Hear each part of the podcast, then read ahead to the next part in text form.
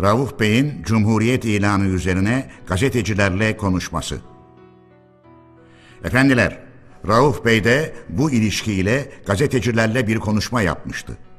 Rauf Bey'in Cumhuriyet üzerine düşüncesini ve ulusal egemenlikten ne anladığını belirten konuşmasını 1 Kasım 1923 günlü Vatan Gazetesi'nde okumuştum. Vatan ve Tevhid gazetelerinin üyeleri ve baş yazarları ile Rauf Bey'in baş başa vererek düzenledikleri sorulardan ve yanıtlardan birkaçını bu kez birlikte gözden geçirelim. Cumhuriyet konusunda kamuoyunda beklenmedik bir olay karşısında kalmış olma duygusu varmış. Şimdiye dek yüksek makamlarda bulunmuş bir kişi olarak ve İstanbul milletvekili olarak Rauf Bey'in ne düşündüğünü seçmenlerinin sorup öğrenmek hakları imiş. Efendiler, bu soruyu düzenleyenlere biz de bir soru soralım. Birincisi, kamuoyunu hangi yolla öğrenmişler? İkincisi, İstanbul seçmenleri yalnız iki gazeteci mi idi? Yoksa bütün seçmenler iki gazeteciyi kendi milletvekillerinin düşüncesini sormak için vekil mi etmişlerdi? Yoksa bu Rauf Bey'in seçmenlerin bu hakkını büyük bir saygı ile kabul edenlerden olduğunu ve kendisini seçerken gösterdikleri yüksek güven için teşekkür borcu olduğunu ve bu güvene yaraşır kişi olmaya çalışacağını, kendisine verilen milletvekilliği görevini her zaman ve her yerde iyi yapmak için güç ve yeteneğinin son kertesine dek çalışacağına inanabileceklerini söylemesine yol açmak için miydi?'' Gerçi bir milletvekilinin seçmenleri için bu yolda konuşması pek uygundur. Ancak yerinde, zamanında ve içtenlikle olursa. Yoksa Cumhuriyet ilanında kamuoyunun beklenmedik bir olay karşısında bırakılmış olduğu gibi düzme bir soruya karşı seçmenlerin verdikleri milletvekilliği görevini her zaman ve her yerde iyi yapacağı yolunda güvence vermeye kalkışmanın anlamı nedir? Oysa efendiler, 29-30 Ekim gecesi İstanbul'da geçmiş olan bir olayı açıklarsam bütün ulus gibi İstanbul halkının da gerçek duygularının ne olduğunu kolaylıkla anlarsınız. Cumhuriyetin ilanı gecesi İstanbul Komutanı Şükrü Naili Paşa'yı İstanbul halkının temsilcileri Fatih Belediyesi'nde düzenlenen bir şölene çağırmışlardı. Paşa yemekteyken Ankara'dan bir buyruk aldı ve onu uygulamadan önce saygıdeğer İstanbul halkının sayım temsilcilerini okudu. Buyruk şu idi. Türkiye Büyük Millet Meclisi Cumhuriyet ilanını kararlaştırdı. Bunu 101 kez top atımı ile ilan ediniz. İstanbul halkının temsilcileri Cumhuriyet'in ilanını nasıl karşılamışlardı? İstanbul halkının temsilcileri bu muştulu buyruğu büyük sevinçlerle ve alkışlarla karşıladılar ve hemen bütün İstanbul halkı adına Komutan Paşa'yı ve birbirlerini kutladılar. Bu duruma göre İstanbul'un saygıdeğer halkı adına İstanbul'un gerçek duygularını başka türlü göstererek demeç vermenin ve gösteri yapmanın nedenli saygısızca bir davranış olduğu apaçıktır. Rauf Bey Bence sorunu Cumhuriyet sözcüğü üzerinde incelemek doğru değildir diyerek Cumhuriyet'ten söz etmek bile istemiyor. Rauf Bey'in görüşü ulusumuzun gönenç ve bağımsızlığının dokunulmazlığını ve sevgili yurdumuzun bütünlüğünü sağlayan hükümet biçiminin en uygun biçim olacağı yolundadır. Efendiler bu sözler düzenledikleri sorunun karşılığı mıdır? Rauf Bey'e sorulan hangi hükümet biçimi en uygundur sorusu mudur? Soru dediğim gibi olsaydı o zaman Rauf Bey'in bu sözü uygun bir karşılık olabilirdi. Ama ondan sonra da Rauf Bey'e şöyle bir soru yöneltmek gerekirdi. Tasarladığınız hükümet biçiminin adı yok mudur? Cumhuriyet, ulusun gönenç ve bağımsızlığını, yurdun bütünlüğünü sağlayan en uygun hükümet biçimi değil midir? Eğer öyleyse uzun sözleri bir yana bırakarak en uygun hükümet biçiminin cumhuriyet olduğu kanısındayım deyiver de yanıltmacadan kurtulalım. Çünkü söz konusu edilen hükümet biçimi Millet Meclisi'nde kabul ve ilan olunan cumhuriyettir. Amacınız bu ilan olunandan daha uygun bir hükümet biçimi olduğunu ima etmek ve göstermek ise onu da söyleyiniz.'' O Y gördüğünüz hükümet biçimi ne olabilir? Rauf Bey görüşünü açıkça söylemekten çekiniyor, bilinen bir takım kuramlardan söz ederek hükümetlerin birbirinden ayrılan yalnız iki ilkeye göre iş gördüklerine inanıyorum. Bu iki ilkeden biri mutlakiyettir. Yani hükümdarın tüm siyasal erki elinde bulundurduğu yönetim biçimidir diyor ve şöyle bir mantık yürütüyor. Sözde padişah ve krallar hak ve yetkilerini Tanrı'dan alırlar ve bu türelliğe dayanarak egemenliklerini yürütürlermiş. Bu biçim yönetimin sakıncaları görüldüğünden uluslar ayaklanarak padişah ve kralların yetkilerini daraltıp koşullara bağlamışlar. Son yıllarda ulusumuz da meşrutiyet için yaptığı uğraşlarla işe başlayıp kendi işini kendi bilerek, kendi görerek, kendi karar vererek başarmak gayesine doğru yürümüş. İttihat ve Terakki meclis baskısından kurtulmak için 5. Sultan Mehmet'e meclisi dağıtma hakkını verdirmiş. Vahdettin bu haktan yararlanarak meclisi dağıtmış ve bilinen yıkımlar olmuş. Bundan dolayı mutlakiyet ve tek kişi egemenliğini tutmak doğru değilmiş. Rauf Bey, ulus alın yazısını kendisinden başka bir kimseye bırakmayı küçüklük saydı dedikten sonra ulusun ulusal egemenliği sınırsız ve koşulsuz olarak yürüten Büyük Millet Meclisi'ni kurucu meclis gibi seçtiği ve bu yönetim biçiminin söz konusu edilen biçimlerden ikincisi ve en sağlamı, en doğrusu olduğu kanısında bulunduğunu söylüyor. Daha sonra Rauf Bey şu düşünceleri ileri sürüyor. Ad değişikliğinin amacı ve ereği değiştireceğini sanmıyorum. Bundan başka önceki bir hükümet biçiminin yerini alan yeni biçimin beğenilip benimsenebilmesi ancak bir koşula bağlıdır. O koşulda gideni arattırmayacak biçimde halkın büyük çoğunluğunun isteklerine uygun davranıldığını, mutluluklarını sağlamaya çalışıldığını ve yurt bağımsızlığının ve saygınlığının güven altına alındığını göstermek ve tanıtlamaktır.'' Yoksa at değiştirmekle ya da üst tabakada biçim değiştirmekle gerçek ihtiyaçların karşılanmış olacağını sanmak, özellikle en yakın bir geçmişte gördüğümüz en acı denemelerden sonra çok büyük bir yanılgı olur. Efendiler, Rauf Bey'in düşünce ve görüşlerini açıklayıp saptayan bu sözler üzerinde biraz durmak isterim. Rauf Bey yetkileri sınırsız ve koşulsuz olan Millet Meclisi'ni de dağıtabilen tek kişi egemenliğinden yana değildir. Rauf Bey öyle bir hükümet biçimi istiyor ki Millet Meclisi kurucu meclis niteliğinde olsun ve ulusal egemenliği sınırsız ve koşulsuz olarak yürütsün. Bu hükümet biçimini biraz daha açalım. Rauf Bey demek istiyor ki Cumhuriyet ilanından önceki biçim en uygun hükümet biçimidir. Gerçekten Rauf Bey'in uzun sözlerle anlatmaya çalıştığı 20 Ocak 1921 günlü anayasanın 3. maddesi kapsamıdır. O madde şudur. Türkiye Devleti Büyük Millet Meclisi'nce yönetilir ve hükümeti Büyük Millet Meclisi hükümeti adını taşır.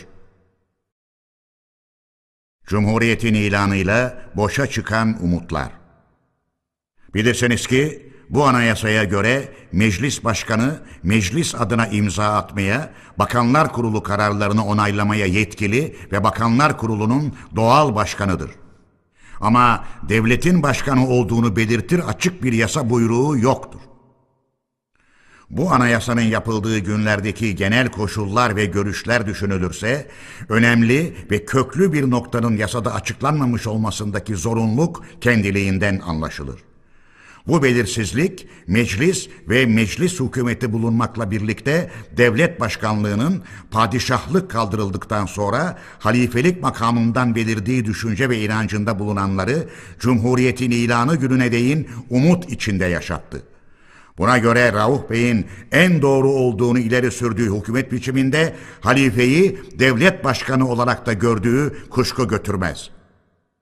İşte Cumhuriyet'in ilanı üzerine Rauf Bey'i ve kendisi gibi düşünenleri kaygıya ve coşkuya sürükleyen gerçek neden devlet başkanlığı makamına Cumhurbaşkanının getirilmiş olmasıdır.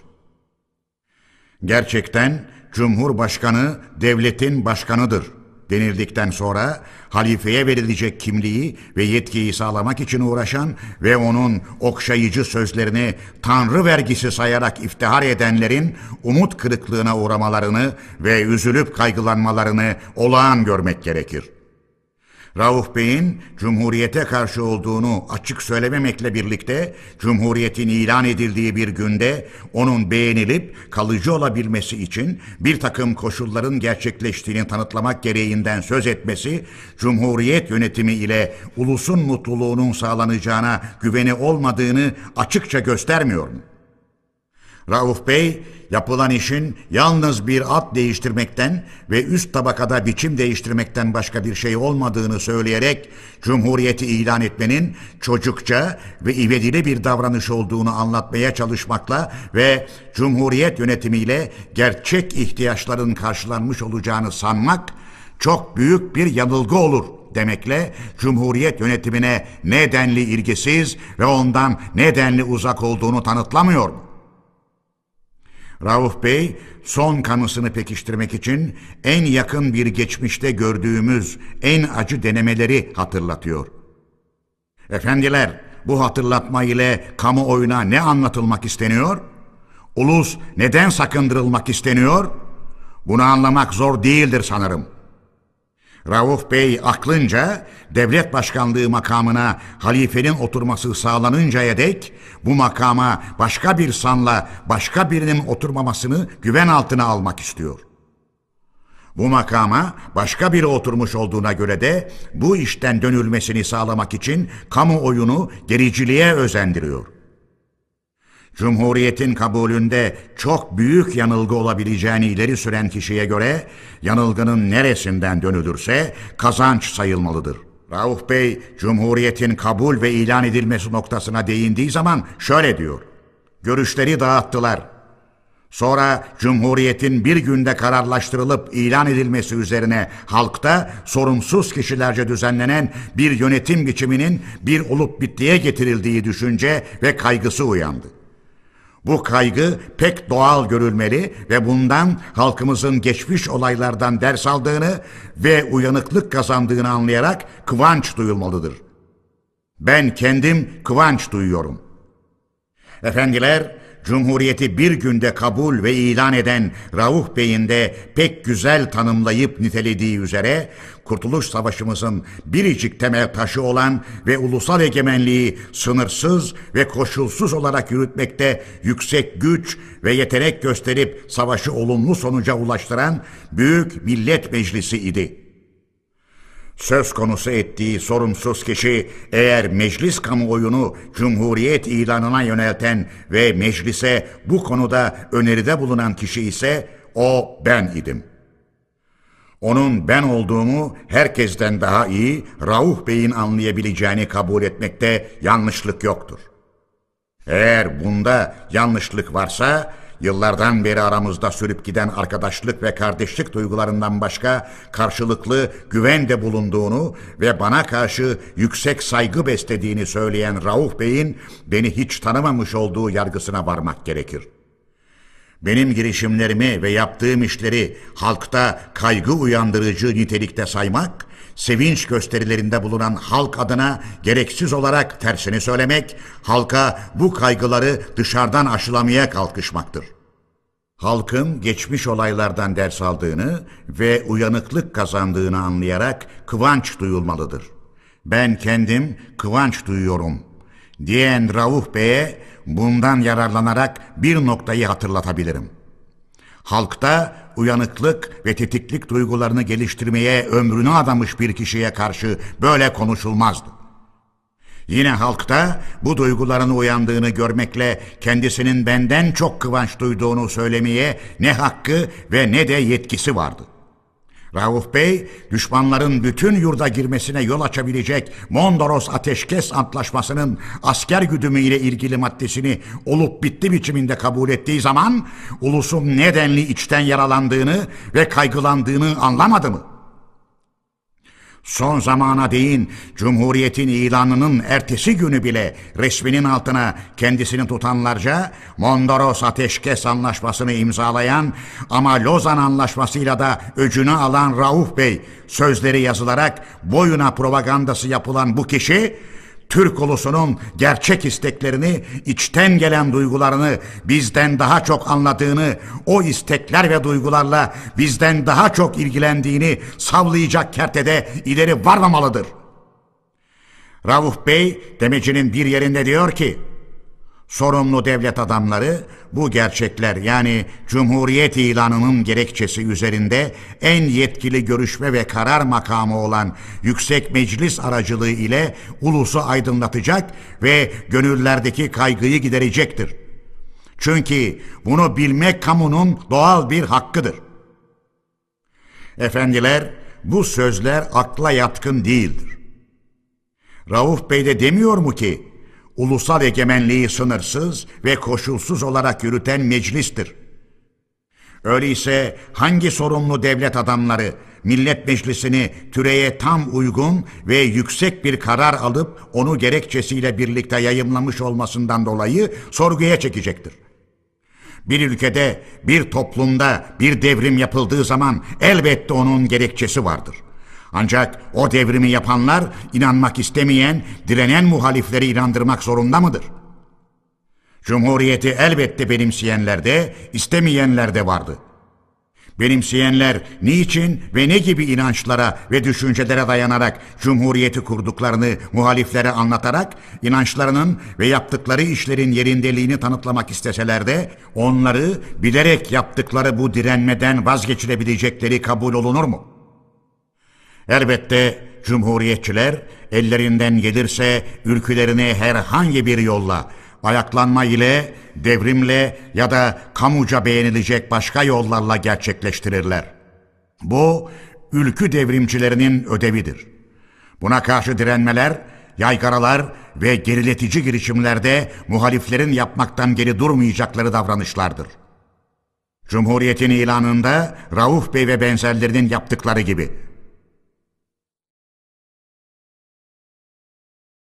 Cumhuriyetin ilanı üzerine halifeye yaptırılmak istenen rol ve halife için yapılan yayın.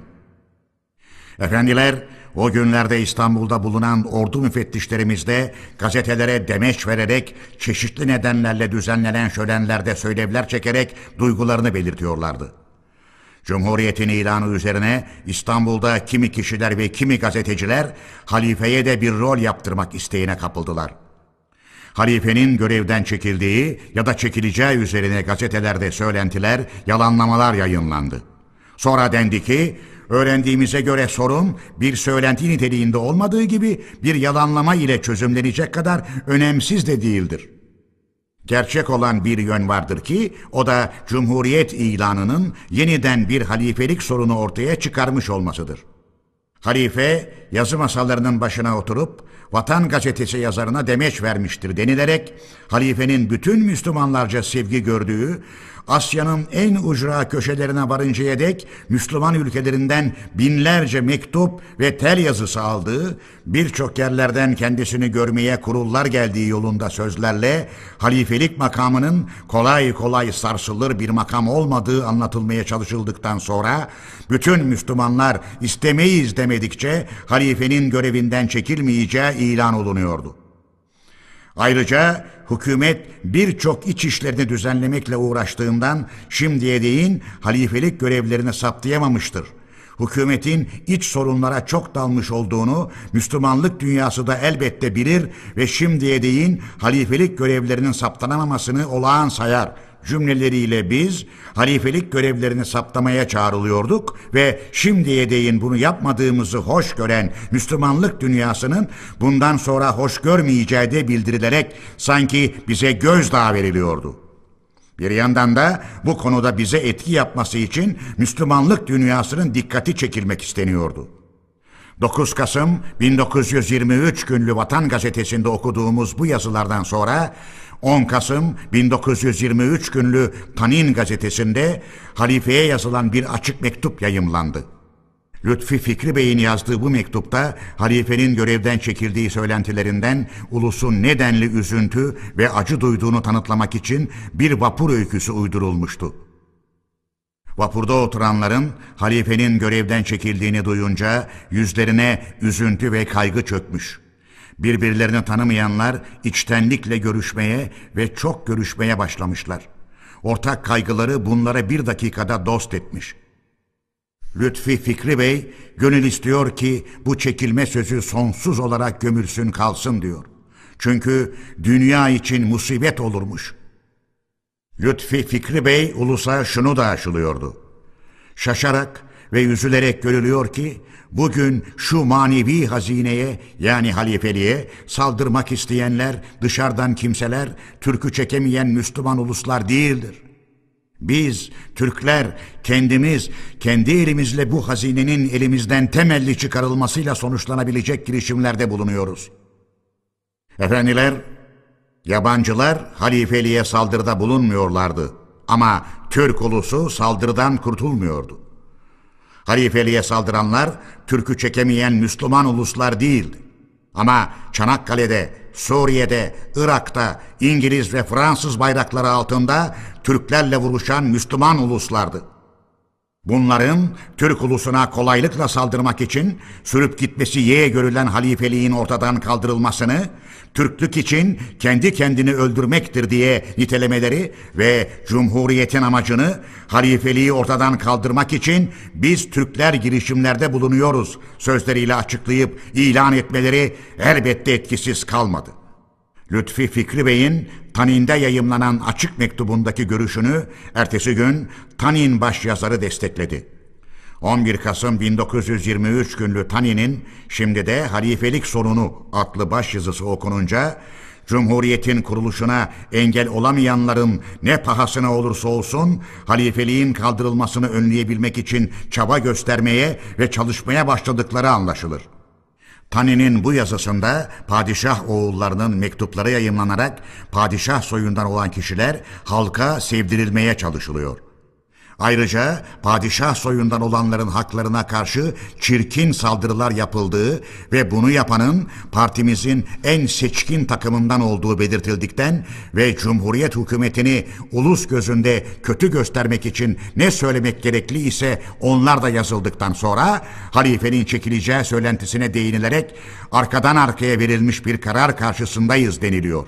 Sonra da Millet Meclisi'nin bu denli özgürlükten yoksun kaldığını, dışarıda verilen kararları yasalaştırmak durumuna düşürüldüğünü görmek gerçekten acı oluyor. Sözleriyle meclis bize karşı kışkırtılıyor. Cumhuriyetin ilanını kabul eden meclisin hiç olmazsa halifeliğin kaldırılmasını olup bitti biçiminde kabul etmemesinin sağlanmasına çalışılıyordu.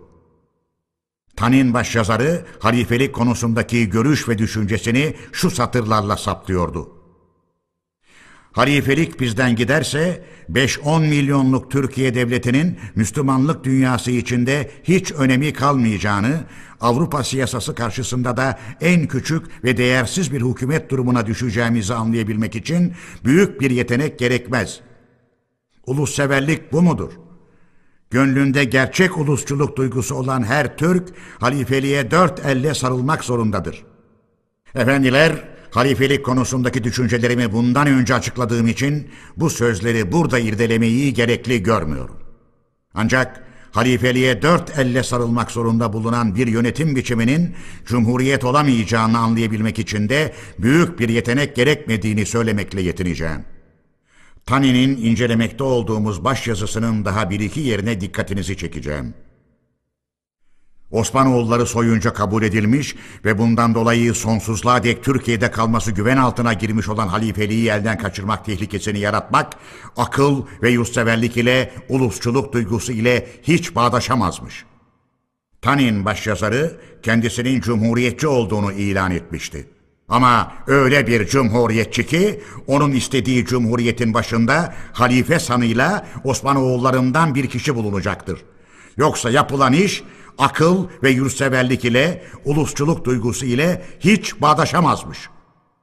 Halifeliği elimizden hiç alınamayacak biçimde korumakla görevliymişiz.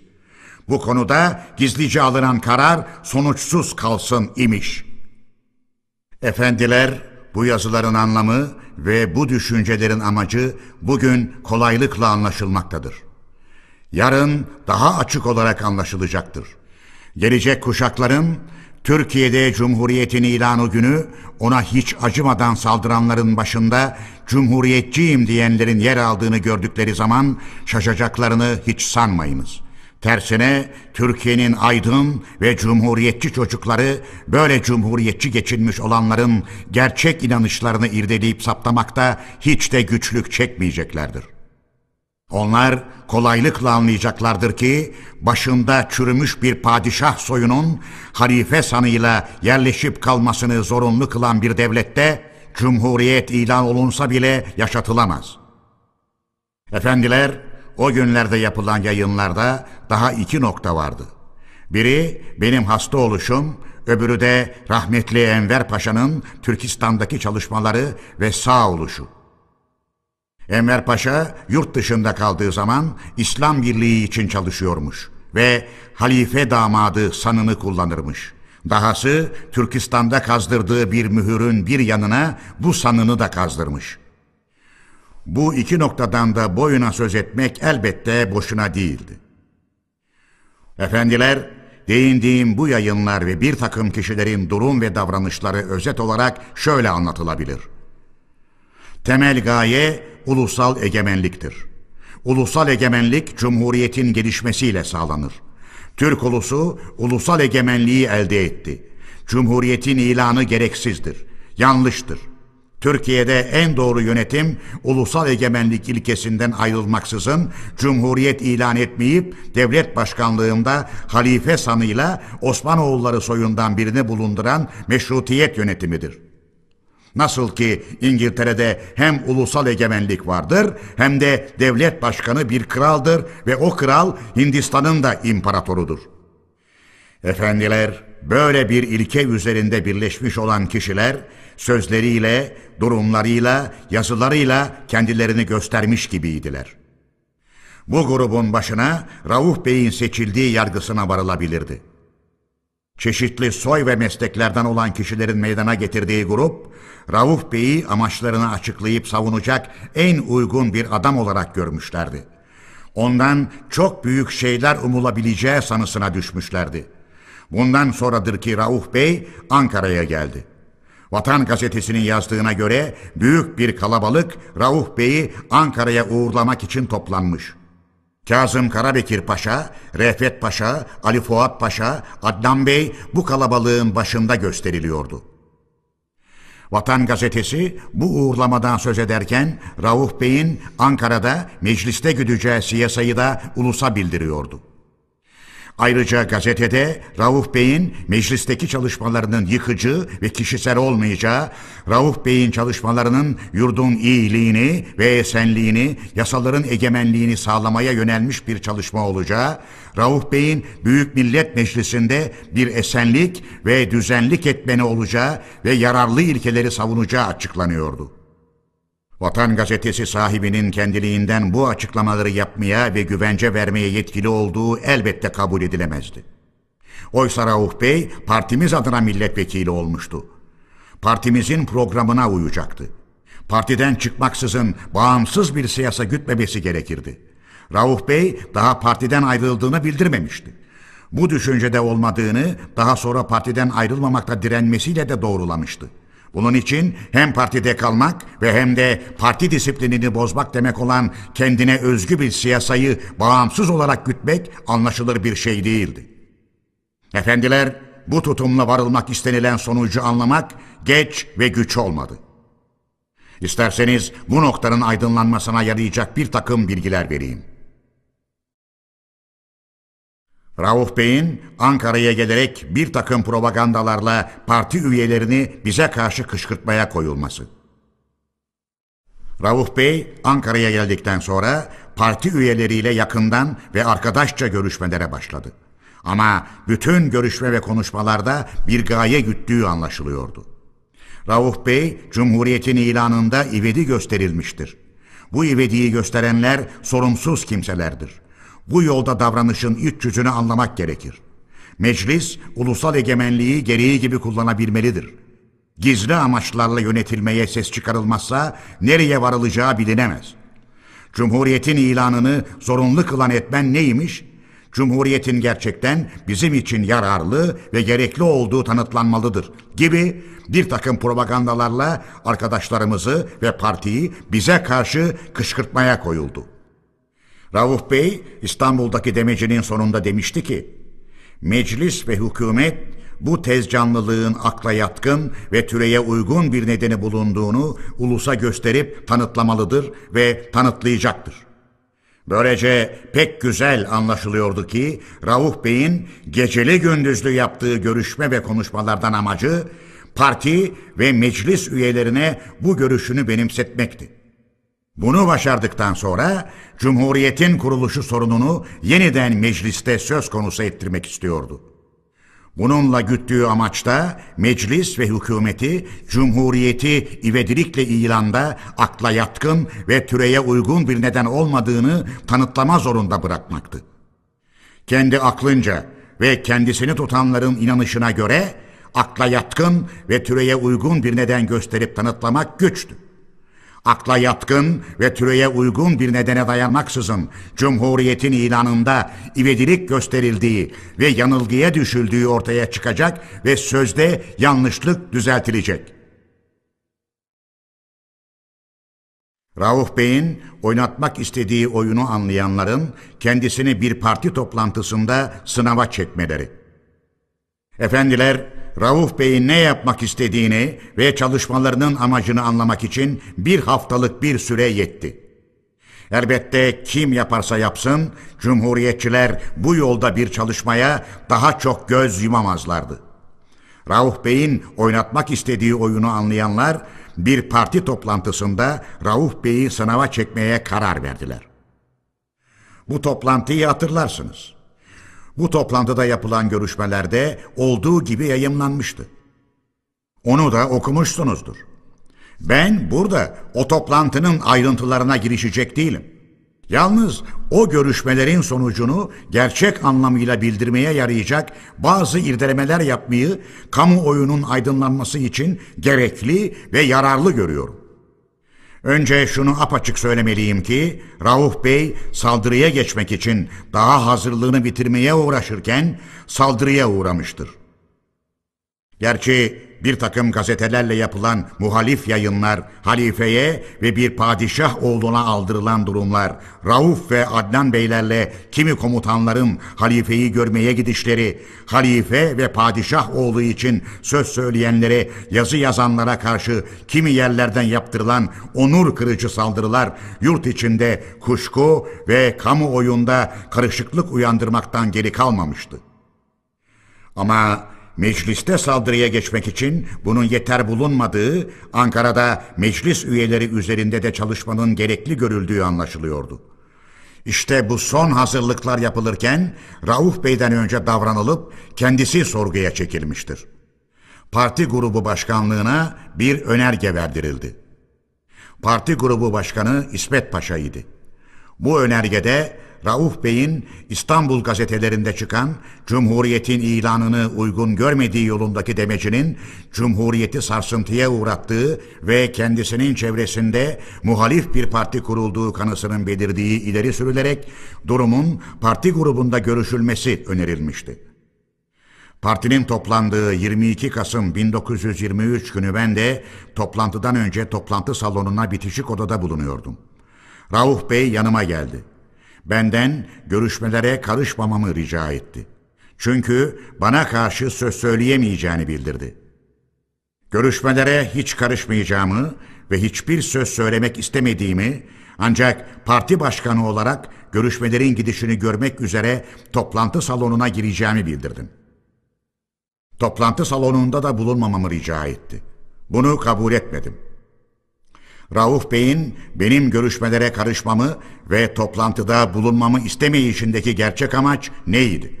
Benim yanımda ya da benimle karşılıklı konuşmasına ve savlarda bulunmasına engel olan gerçekten bana olan saygısı mı idi? Buna inanmak doğru olamaz. Benim anladığıma göre Rauf Bey, İsmet Paşa ile karşılaşmak istiyordu. Ben toplantıda bulunmazsam parti üyeleri arasından kendisini tutanlar çıkabileceğini sanıyordu.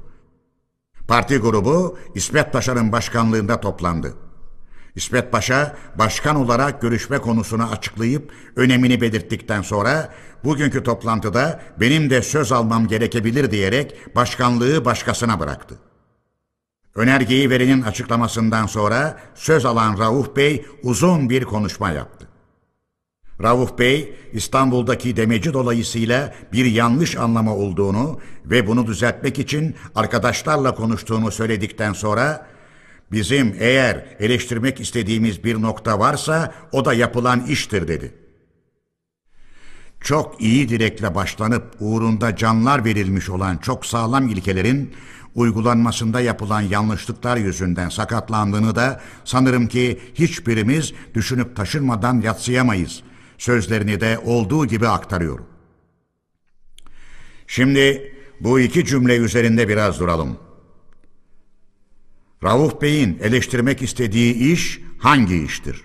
Cumhuriyet mi yoksa Cumhuriyet'in ilan edilişi mi? Yapılan iş Cumhuriyet'in kuruluşudur. İlan şöyle ya da böyle olabilir. Rauf Bey'in sağlam ilke dediği Cumhuriyet ilkesi midir? Yoksa uygulanmasında yapılan yanlışlık yüzünden sakatlanmasından korktuğu Cumhuriyet midir? Efendiler, söz konusu olan Cumhuriyet'in kendisi ve onun yurtta ilanıdır. Cumhuriyet yönetimini uygulama evrelerinin yanlış olduğunu ileri sürecek kadar zaman geçmemişti. Rauf Bey'in kaygısı Cumhuriyet ilanının ertesi günü başlıyor ve iki üç gün geçmeden demeç veriyor. Kazım Paşa'ya Cumhuriyet'in ilanını önleyebilirsen yurda büyük yardımlarda bulunmuş olursun diyen Rauf Bey hiçbir zaman cumhuriyetçi olamaz. Rauf Bey demecinin anlamını ve kapsadığı düşünceleri birer yolla çevreleyip yorumlayarak dedi ki, Duygularım Cumhuriyet yönetiminden başka hiçbir yönetimi benimsemediğim yolundadır. Rauf Bey'in duygularını böylece açığa vuruşu parti üyelerinin sevinmelerine yol açtı ve yaşa sesleriyle karşılandı. Rauf Bey'in kutlu duygularım, kutsal duygularım diye söylediği bu sözler içtenlikle söylenmiş sözler miydi ve doğru muydu? Ben hiç çekinmeden hayır diyorum efendiler. Çünkü Ankara'dan ayrılışında kendisine Cumhuriyet'ten söz açan Kazım Paşa'ya meclis başkanı bunu önleyebilirsen yurda büyük yardımlarda bulunmuş olursun diyenin Rauf Bey olduğunu biliyor. Rauf Bey, Cumhuriyeti düzenleyip ilan eden sorumsuzlar demekle bir takım danışman ve uzmanları söylemek istediğini de bildirerek bunda da yanlış anlama olduğunu anlatmak istedi. Ve böyle olunca benim kullandığım sözlerden şu ya da bu kişi sorumsuzdur diye anlaşılmasın. Bunu benden beklemek doğru değildir dedi.'' Rauf Bey bu çevrilemeyle de gösteriyordu ki o günkü parti toplantısında partiyi kendine karşı kışkırtmaksızın isteklerini söyleyebilmek için gereken noktalarda gerileme ve çevrileme yolunu tutmuştu. Ama gerçek görüşünden vazgeçmiş değildi. Örneğin şu sözlere dikkat buyurunuz. Türkiye hükümetinin biçimi nedir diye sorulan sorulara karşı hatırlarsınız ki büyük başkanımız bu kürsüden tanıtlı bir karşılık olarak şöyle söylediler. Türkiye Büyük Millet Meclisi hükümeti biçimidir. Hangi yönetime benziyor dediler? Bize benziyor. Çünkü biz bize benzeriz. Bize özgü yönetimdir buyurdular. Bu beni içten inandıran en yüksek bir sözdü. Buna karşı çıkmak çok güçtür. Buna dışta ve içte haktanırlıkla karşı çıkacak adam bulunacağını sanmam. Bu inandırıcı ve büyük sözlerden sonra böyle bir hükümet buhranı yüzünden bunu yürütülemez bir hükümet biçimi olarak gösterip de ad değişikliğinden başka bir şey olmayan Cumhuriyet sözcüğünün konulmasını ve eskisine bu denli güvendiğimiz, halkın da güvendiği bir hükümet biçiminin işe yaramaz olduğunu bir buhran zamanında anlaşıldığı ileri sürülerek yeni bir yönetim biçimi getirilmesini doğru bulmuyoruz. Bu duygunun etkisi altında bulunanların gerici olduklarını sanmayacağınıza inanarak söylüyorum, Ya bu da eksik görülürse bunu tamamlayacak bir biçim var mıdır diye duraksayan ve kaygıya düşenler var. Bir halk ki cumhuriyeti istiyor. Bir halk ki ulusal egemenlik sınırsız ve koşulsuz ulusta oldukça yönetimin cumhuriyetten başka bir şey olmadığını biliyor ve bunu istiyor. Ama iyi uygulayamaz da başka bir yönetim biçimine döndürülür diye üzüntü ve kaygı duyarsa, üzülmek mi gerekir, iftihar etmek mi gerekir? Padişahlıktan cumhuriyete geçiş ve bu dönemde iki görüşün çarpışması. Efendiler, padişahlıktan cumhuriyete geçebilmek için herkesin bildiği üzere bir geçiş dönemi yaşadık. Bu dönemde iki düşünce ve görüş birbirleriyle durmadan çarpıştı. O düşüncelerden biri padişahlığın sürdürülmesiydi. Bu düşünceyi benimseyenler belliydi. Öbür düşünce padişahlığa son vererek cumhuriyeti kurmaktı. Bu bizim düşüncemizdi. Biz düşüncemizi açıkça söylemekte ilk zamanlar sakınca görüyorduk. Ancak düşüncemizi saklı tutup elverişli bir zamanda uygulayabilmek için padişahlığı tutanların düşüncelerini yavaş yavaş uygulama alanından uzaklaştırmak zorundaydık. Yeni yasalar yapıldıkça özellikle anayasa yapılırken padişahçılar padişah ve halifenin hak ve yetkilerinin açıkça belirtilmesi için üsteliyorlardı. Biz bunun zamanı gelmediğini ya da gereği olmadığını söyleyerek o yanı kapalı bırakmayı yararlı görüyorduk. Devletin yönetimini cumhuriyetten söz etmeksizin ulusal egemenlik ilkelerine uygun olarak her gün cumhuriyete doğru yürüyen bir biçimde derleyip toparlamaya çalışıyorduk. Büyük Millet Meclisi'nden daha büyük makam olmadığını durmadan aşılayarak padişahlık ve halifelik makamları olmaksızın da devletin yönetilebileceğini tanıtlamak gerekliydi. Devlet başkanlığından söz etmeksizin onun görevini fiili olarak meclis başkanına gördürüyorduk. Meclis başkanlığı görevini yapan ise ikinci başkan idi. Hükümet vardı ama Büyük Millet Meclisi hükümeti sanını taşıyordu. Hükümeti belli yöntemlere göre kurmaktan çekiniyorduk. Çünkü padişahçılar hemen padişahın yetkisini kullanması gerektiğini ortaya atacaklardı. İşte geçiş döneminin bu uğraşma evrelerinde bizim kabul ettirmek zorunda bulunduğumuz orta biçimi yani Büyük Millet Meclisi hükümeti biçimini haklı olarak eksik bulan ve meşrutiyet biçiminin açıkça belirtilmesini sağlamaya çalışan padişahçılar bize karşı çıkıyorlar ve diyorlardı ki bu yapmak istediğiniz hükümet biçimi neye, hangi yönetime benzer? Amacımızı ve eriğimizi söyletmek için yöneltilen bu çeşit sorulara biz de zamanın gereğine göre karşılıklar vererek padişahçıları susturmak zorundaydık. Böylece verdiğimiz bir karşılığı Rauf Bey içten inandırıcı, yatsınamaz ve karşı çıkılamaz bulduğunu söyleyerek bütün sabını ve görüşünü benim o sözlerimde destekliyor. Rauf Bey bu inandırıcı ve büyük sözlerden sonra Büyük Millet Meclisi hükümeti biçiminin elverişsiz olacağını kabul etmek istemiyor. Bu elverişsiz ise bu elverişsiz biçimi daha önce kabul ettirenlerin bu kez kabul ettirdikleri cumhuriyet biçimini de bir gün eksik görüp başka bir yönetim biçimini ortaya atmalarından kaygılanmak gerekeceği yolunda bir mantık yürütüyor. Bu mantığın nedenli çürük ve boş sözler olduğu apaçıktır. Kutsal duyguları Cumhuriyet yönetiminden başka hiçbir yönetimi benimsemediği yolunda olan bir kişinin geçiş dönemi için zorunlu olduğunu pek iyi bildiği Büyük Millet Meclisi hükümeti biçimine saplanıp kalarak Cumhuriyet biçiminin de eksik görüleceği ve başka bir yönetim biçimi araştırılacağı kaygısına düşmesi doğru mudur? Rauf Bey'in burada Cumhuriyet'ten sonra başka bir yönetim biçimi derken neyi söylemek istediği bellidir.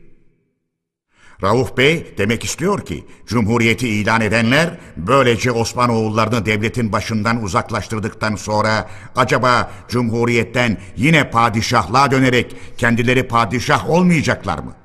Bunun tarihte benzerleri yok mu diye duraksayan ve kaygıya düşenler var. Rauf Bey olduğu gibi bilginize sunduğumuz sözlerinin sonunda halkın cumhuriyeti istediğini söylerken istiyor ama iyi uygulanamaz da yolundaki şaşılacak sözleriyle benim belirttiğim noktayı pek güzel açıklamaktadır. İsmet Paşa'nın mecliste Rauf Bey'e verdiği karşılıklar. Efendiler, Rauf Bey'le karşılaşan ve değerli görüşler ileri süren milletvekilleri çoktu. Bu arada İsmet Paşa da uzun ve değerli bir konuşma yaptı. İsmet Paşa'nın her zaman okunması yararlı olan kimi sözlerini de bilginize sunacağım. İsmet Paşa, köklü bir devlet biçimi söz konusu olduğu zaman düşüncelerimiz ve duygularımız gizli kalmaz. Gözetleyen bütün bir dünya vardır dedikten biraz sonra Cumhuriyet ilanı bir ulusun kutsal bir ülküsü, bir ateşi gibi ortalığı sarar. Cumhuriyet ilan olunduğu zaman Cumhuriyete kavuşan ulusun bütün ateşini gösteren her türlü belirtiler ortaya çıkar. Eğer bir ülkede Cumhuriyet'in ilan olunduğu günlerin üçüncüsünde, beşincisinde egemenlik hakları kaldırılmış bir padişah oğlu ortaya çıkar da karşı durum alırsa, dünya ve dünya düşünürleri bu Cumhuriyet'in gücünden kuşku duyar. Sözleriyle başlayarak Cumhuriyet'in ilanı üzerine İstanbul'da alınan durumun zararını açıkladı. İsmet Paşa, Rauf Bey'in konuşmasını irdelerken, ulusal egemenlik temel ilkedir diyenlerin bu sözlerinden kuşku ve kaygıya kapıldıkları anlamını çıkaramayız dedi. Ondan sonra İsmet Paşa Rauf Bey'e seslenerek Rauf Bey siyasa yapıyoruz. Yanlışlıkları bir bir göstermeliyiz. Dahası siz hiçbir iş adamı gördünüz mü ki başlarken ana parasını tehlikeye koyduğu inancında olsun ve başarı sağlayamayacağını bile bile parasını tehlikeye atsın.'' Bir işe başlayan adam her zaman sonucunun iyi olacağını güven altına alır, öyle başlar. Hele böyle devrim yapıldığı zamanlarda hükümet ileri gelenleri herhangi bir devlet adamı kuşkuya düşemez, yanlıştır. Yanıldınız Rauf Beyefendi, dedi. Bundan sonra İsmet Paşa, Rauf Bey'in üst tabakada biçim değiştirerek devletin yararını sağlamayı ve genel gereksemeleri karşılamayı düşünmek çok büyük bir yanılgı olur yolundaki sözlerine karşılık verirken, büyük yanılgı bu denli duyarlı günlerde bir noktada toplanması gereken tinsel kuvvetleri ve devrim kuvvetlerini şu konu üzerinde ya da bu konu üzerinde kuşkuya düşürmektir. Bilerek ya da bilmeyerek isteyerek ya da istemeyerek büyük yanılgı budur dedi. İsmet Paşa Rauf Bey'den şunu da sordu. Devlet başkanlığı sorununu çözümlemek istiyordunuz. Nasıl çözümleyecektiniz? Kaç çözüm yolu vardı? İsmet Paşa ivedilik sabına karşı verdiği yanıtta Arkadaşlar dedi. Doğal sayılan bir sonuç için ivedilik söz konusu olmaz.'' Ancak yanılgı sayılabilecek sonuçlar için ivedilik söz konusu olur. Cumhuriyet ivedilikle ilan edildi demekle o gün ilan edilmeyip de altı ay sonraya kalsaydı belki başka bir durum ortaya çıkardı denilmek isteniyor ki sözün bu anlamı ile ivedi davranılmıştır. Rauf Bey konuşmasında bizim Cumhuriyet ilanındaki davranışımızı eski genel merkez işleri gibi göstermek istedi. İsmet Paşa bu noktaya karşılık verirken dedi ki, genel merkez işlerini bu ülkede yürütmüş ve yıllarca savunmuş temsilciler ve gazetelerde onun görüşünü savunuyorlar. Rauf Bey'in görüşünü ellerinde silah olarak kullanıyorlar. Bu mutsuzluktur. Rauf Bey daha sonraki konuşmasında bu sözlere şu yolda karşılık verdi genel merkez sözleriyle imada bulunduklarımı Tanin gazetesi silah gibi kullanmıştır. And içerim ki baylar, Tanin kullanmış, tevhid-i efkar kullanmış. Ben bilmiyorum. İsmet Paşa, Rauf Bey ve arkadaşlarının halifeyi gidip görmelerine değinirken şunları söyledi. Halifeyi gidip görmek, halifelik sorunu ile ilgilidir. Devlet adamı olarak hiçbir zaman unutamayız ki halife orduları bu ülkeyi baştan başa harabeye çevirmişlerdi. Halife orduları kurulabileceğini hiçbir zaman gözden uzak tutmayacağız. Türk ulusu en büyük acıları halife ordusundan çekmiştir. Bir daha çekmeyecektir. Bir halife fetvasının bizi Birinci Dünya Savaşı uçurumuna attığını hiçbir zaman unutmayacağız. Bir halife fetvasının ulus ayağa kalkmak istediği zaman ona düşmanlardan daha alçakçasına saldırdığını unutmayacağız. Tarihin herhangi bir döneminde bir halife bu ülkenin alın yazısına karışmayı aklından geçirirse hiç kuşku yok o kafayı koparacağız. İsmet Paşa bravo sesleri ve alkışlarla karşılanan bu sözlerine şunları da ekledi. Herhangi bir halife düşünceleriyle ya da geleneğe, göreneğe ve yönteme uyarak kapalı ya da açık bir biçimde Türkiye alın yazısıyla ilgili imiş gibi bir durum almak isterse, Türkiye devlet adamlarını değerli buluyormuş, okşuyormuş gibi davranırsa, bu durum ve davranışını ülkenin varlığı ve yaşayışı ile tam karşıt sayacağız ve bu tutumunu yurt hayınlığı sayacağız. İsmet Paşa konuşmasının sonunda şunları da söyledi. Rauf Bey konuşmalarında geçen ve bizim tam karşıt olarak gördüğümüz sözlerini geri alarak bu parti içinde yürümek kararında mıdırlar? Yoksa konuşmalarında ileri sürdüğü ve bizimle tam karşıt olan görüşlerinde direnerek partimizin dışında ve mecliste bizimle karşı karşıya çalışmak kararı mı verecekler? Bunu belirtmelidirler. Rauf Bey yeniden uzun uzadıya kendini savundu ve parti kurmayacağını bildirdikten sonra genel kurulun acıma ve bağışlama duygularını uyandıracak çok yumuşak sözlerle konuşmasına son vererek toplantı yerinden ayrıldı. Böylece kendisine karşı söz söylenecek adam kalmadı. Rauf Bey yanıldığını ve cumhuriyetçi olduğunu açıkça söylemiş bulunduğundan görüşmeler yeter sayıldı ve halkın kafasında uyandırılmış olan kuşkuları gidermek için gazetelerde bir bildiri yayımlanması, ayrıca görüşmelerin tutanağının bastırılıp dağıtılması kararıyla yetinildi. Şimdi efendiler bu karar neyi belirtiyor? Rauf Bey'in çapraşık ve iki anlamlı sözleri gerçekten onun cumhuriyetçi olduğuna partiyi inandırdı mı? Rauf Bey'in parti içinde bizimle duygu ve görüş birliği yaparak çalışabileceği kanısı doğdu mu? Partinin bu kararı görüşmenin gerçek sonucunun gerektirdiği karar mı idi? Elbette hayır. Öyleyse bu eksik kararla yetinmeye yol açan etken neydi? Bu noktayı birkaç sözle açıklayayım. Rauf Bey konuşmasının başından sonuna dek takındığı durumla ve konuşma biçimiyle parti üyelerinin bağışlama duygusuna ve vicdanına sığınmış gibiydi. Bundan başka Rauf Bey konuşmasında o denli yanıltmaca yapıyor ve boş şeyler söylüyordu ki sözlerinin doğruluğunu ve içtenliğini hemen anlamak kamu için kolay değildi. Açıkça söylemek gereklidir ki bu etmenlerden daha çok da sorumsuz, olup bitti, cumhuriyetten sonra biçim gibi sözler üzerinde yapılan yıkıcı propaganda, düşünce ve duyguları duraksamaya ve gevşekliğe sürüklemede en önemli manevi etmen olmuştu. Durumu Cumhuriyet tartışması dışında İsmet Paşa ve Rauf Bey çekişmesi gibi görenlerin düşünüşlerinin de anlamsız bir kararla getirilmesine yol açtığı kuşku götürmez bir gerçektir. Efendiler, bu karar yüzünden Rauf Bey ve arkadaşlarına bir süre daha partinin içinde partiyi yıkmak için çalışmak fırsatı verilmiş oldu.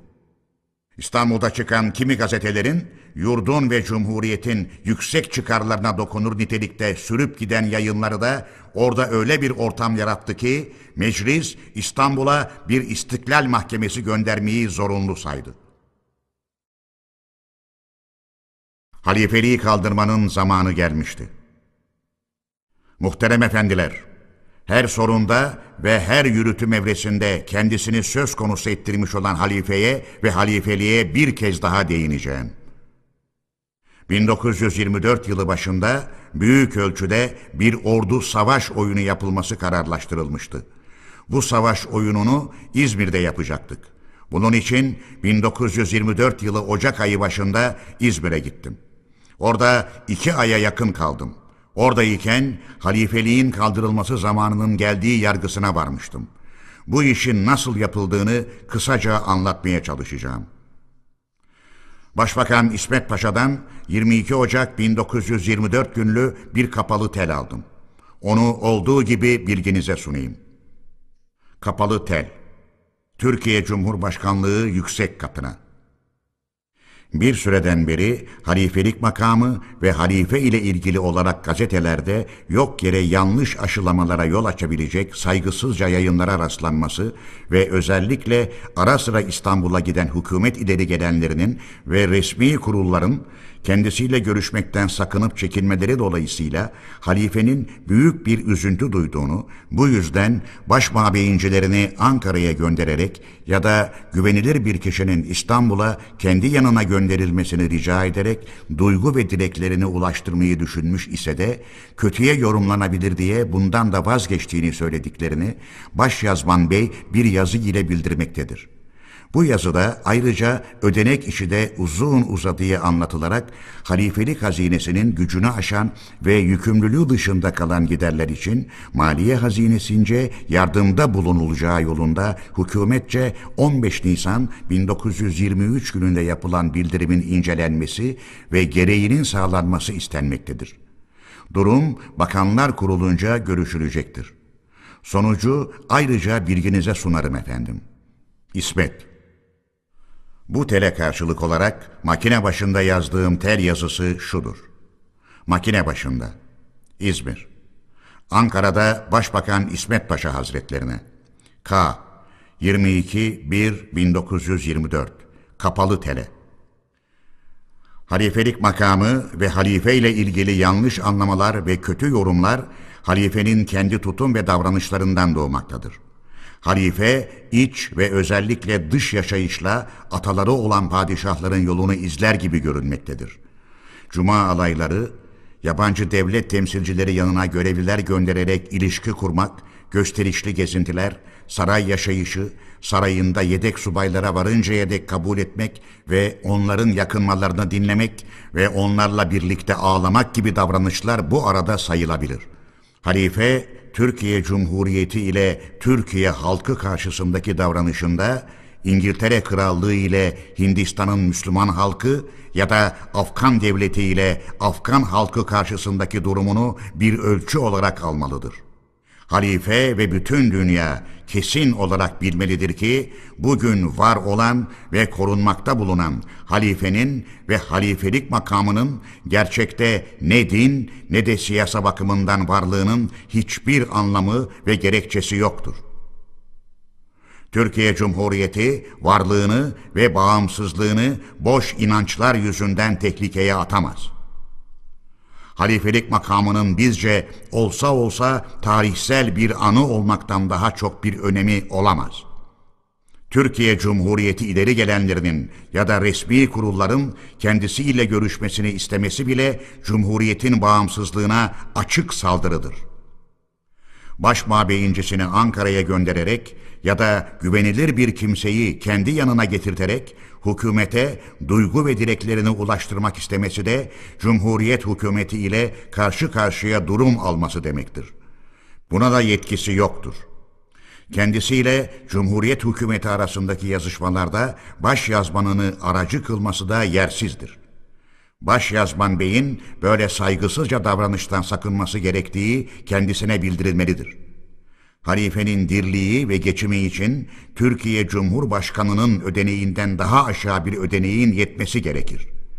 Halifeye verilen ödenek, yaldızlı ve gösterişli yaşamak için değil, insanca yaşamak ve geçim sağlamak içindir. Halifelik hazinesi demekle ne denilmek istendiğini anlayamadım. Halifeliğin hazinesi yoktur ve olamaz.'' Kendisine böyle bir hazine atalarından kalmış ise resmi ve açık olarak bilgi alınmasını ve bana bildirilmesini rica ederim. Halifenin aldığı ödenekle karşılanamayan yükümler neler imiş ve 15 Nisan 1923 günlü bildirimle hükümet nelere söz vermiştir? Bunu da bildirmek iyiliğinde bulununuz. Halifenin konutunu belirtip saptamak hükümetin şimdiye değin yapmış olması gereken bir ödevidir. İstanbul'da ulusun boğazından kesilen paralarla yapılmış birçok saraylar ve bu sarayların içindeki birçok değerli eşya ve gereçler hükümetin bu yolda bir karar almaması yüzünden yok olup gidiyor. Halifenin yakınları sarayların en değerli gereçlerini Beyoğlu'nda şurada burada satıyorlar diye söylentiler vardır. Hükümet bunlara hemen el koymalıdır. Satılmak gerekiyorsa hükümet satmalıdır. Halifelik örgütü iyice incelenip düzene sokulmalıdır ki baş mabeyincilerin ve baş yazmanların varlığı halifeyi daha da egemenlik kuruntusu içinde uyutmasın. Fransızlar kral soyundan olanları ve yakınlarını Fransa'ya sokmakta bağımsızlıkları ve egemenlikleri için yüz yıl sonra bugün bile sakınca görüp dururken her gün çevremden kendileri için egemenlik güneşi doğmasına duacı bir padişah soyuna ve yakınlarına karşı davranışımızda Türkiye Cumhuriyeti'ni inceliğe ve boş şeylere kurban edemeyiz. Halife kendinin ve makamının ne olduğunu açık olarak bilmeli ve bununla yetinmelidir. Hükümetçe sağlam ve köklü tedbirler alınarak bildirilmesini rica ederim efendim. Türkiye Cumhurbaşkanı Gazi Mustafa Kemal Halifeliğin Din İşleri ve Evkaf Bakanlıklarının kaldırılması ve öğretimin birleştirilmesi kararı. Bu yazışmadan sonra savaş oyunu dolayısıyla İsmet Paşa ve Milli Savunma Bakanı bulunan Kazım Paşa da İzmir'e gelmişlerdi. Genelkurmay Başkanı Fevzi Paşa da daha önce orada bulunuyordu. Hepimiz halifeliğin kaldırılması gerektiği görüşündeydik. Bununla birlikte din işleri ve efkaf bakanlıklarını da kaldırmak ve öğretimi birleştirmek kararındaydık. 1924 yılı Mart'ının birinci günü meclisi açmam gerekiyordu. 23 Şubat 1924 günü Ankara'ya dönmüş idik. Burada da gereken kişilere kararımı bildirdim. Mecliste bütçe görüşmeleri yapılıyordu. Osmanoğullarından yurt içinde bulunanların ödenekleri ile din işleri ve Efkaf Bakanlığı bütçeleri üzerinde durulmak gerekiyordu. Arkadaşlarımız bu amaca göre konuşmalara ve eleştirilere başladılar. Görüşme ve tartışma sürdürüldü. 1 Mart günü Büyük Millet Meclisi'nin 5. çalışma yılı dolayısıyla verdiğim söylevde özellikle şu üç noktaya değindim. 1. Ulus, Cumhuriyetin bugün ve gelecekte bütün saldırılardan kesin olarak ve sonsuzluğa değin korunmasını istemektedir. Ulusun isteği, Cumhuriyetin hiç zaman geçirilmeden denenmiş ve tanıtlanmış bütün ilkelere tas tamam uydurulmasının sağlanması diye biçimlenebilir. 2. Kamuoyunun eğitim ve öğretimin birleştirilmesinden yana olduğu saptanmış bulunduğundan bunun hiç zaman geçirilmeden uygulanmasını gerekli görüyoruz.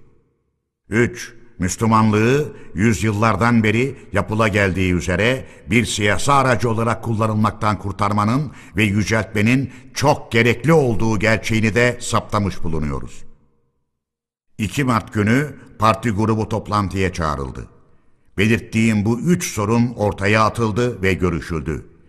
İlkeler üzerinde anlaşmaya varıldı. 3 Mart günü meclisin birinci oturumunda başkanlığa gelen yazılar arasında şu önergeler okundu. 1. Şeyh Saffet Efendi ile 50 arkadaşının halifeliğin kaldırılması ve Osmanoğulları soyundan olanların Türkiye dışına çıkarılması ile ilgili yasa önerisi. 2. Siirt Milletvekili Halil Hulki Efendi ve 50 arkadaşının Din İşleri ve Efkaf Bakanlığı ile Genelkurmay Bakanlığı'nın kaldırılması ile ilgili yasa önerisi. 3. Manisa Milletvekili Vasıf Bey ve 50 arkadaşının eğitim ve öğretimin birleştirilmesi ile ilgili önergeleri. Başkanlık makamında bulunan Fethi Bey, efendim birçok imzalarla gelen bu yasa önerilerinin hemen görüşülmesi ile ilgili öneriler vardır. Yüksek oyunuza sunacağım, dedi ve komisyonlara gitmeden hemen görüşülmesini oya koydu ve kabul edildiğini bildirdi. İlk karşı çıkışı Kastamonu Milletvekili Halit Bey yaptı. Görüşmeler sırasında Halit Bey'e bir iki kişi daha katıldı. Önerileri destekleyen birçok değerli milletvekilleri kürsüye çıkıp uzun konuşmalar yaptılar. Önerge verenlerden başka rahmetli Seyit Bey'in ve İsmet Paşa'nın bilimsel ve inandırıcı söylevleri her zaman için okunmaya değer. Görüşme ve tartışma 5 saate yakın sürdü. Saat 6.45'te görüşmelerin sona ermesiyle Türkiye Büyük Millet Meclisi 429, 430 ve 431. yasalarını çıkarmış bulunuyordu. Bu yasalarla A. Türkiye Cumhuriyeti'nde halkın işleriyle ilgili yasaları yapmaya ve yürütmeye yalnız Türkiye Büyük Millet Meclisi ile onun kurduğu hükümetin yetkili olduğu saptandı. Din İşleri ve Efkaf Bakanlığı kaldırıldı. B. Türkiye içindeki bütün bilim ve öğretim kurumları, bütün medreseler Milli Eğitim Bakanlığı'na bağlandı. C. Halife görevinden çıkarıldı ve halifelik makamı kaldırıldı. Çıkarılan halife ve Osmanoğulları soyundan olanların hepsine Türkiye Cumhuriyeti ülkesinde oturmak süresiz olarak yasak edildi.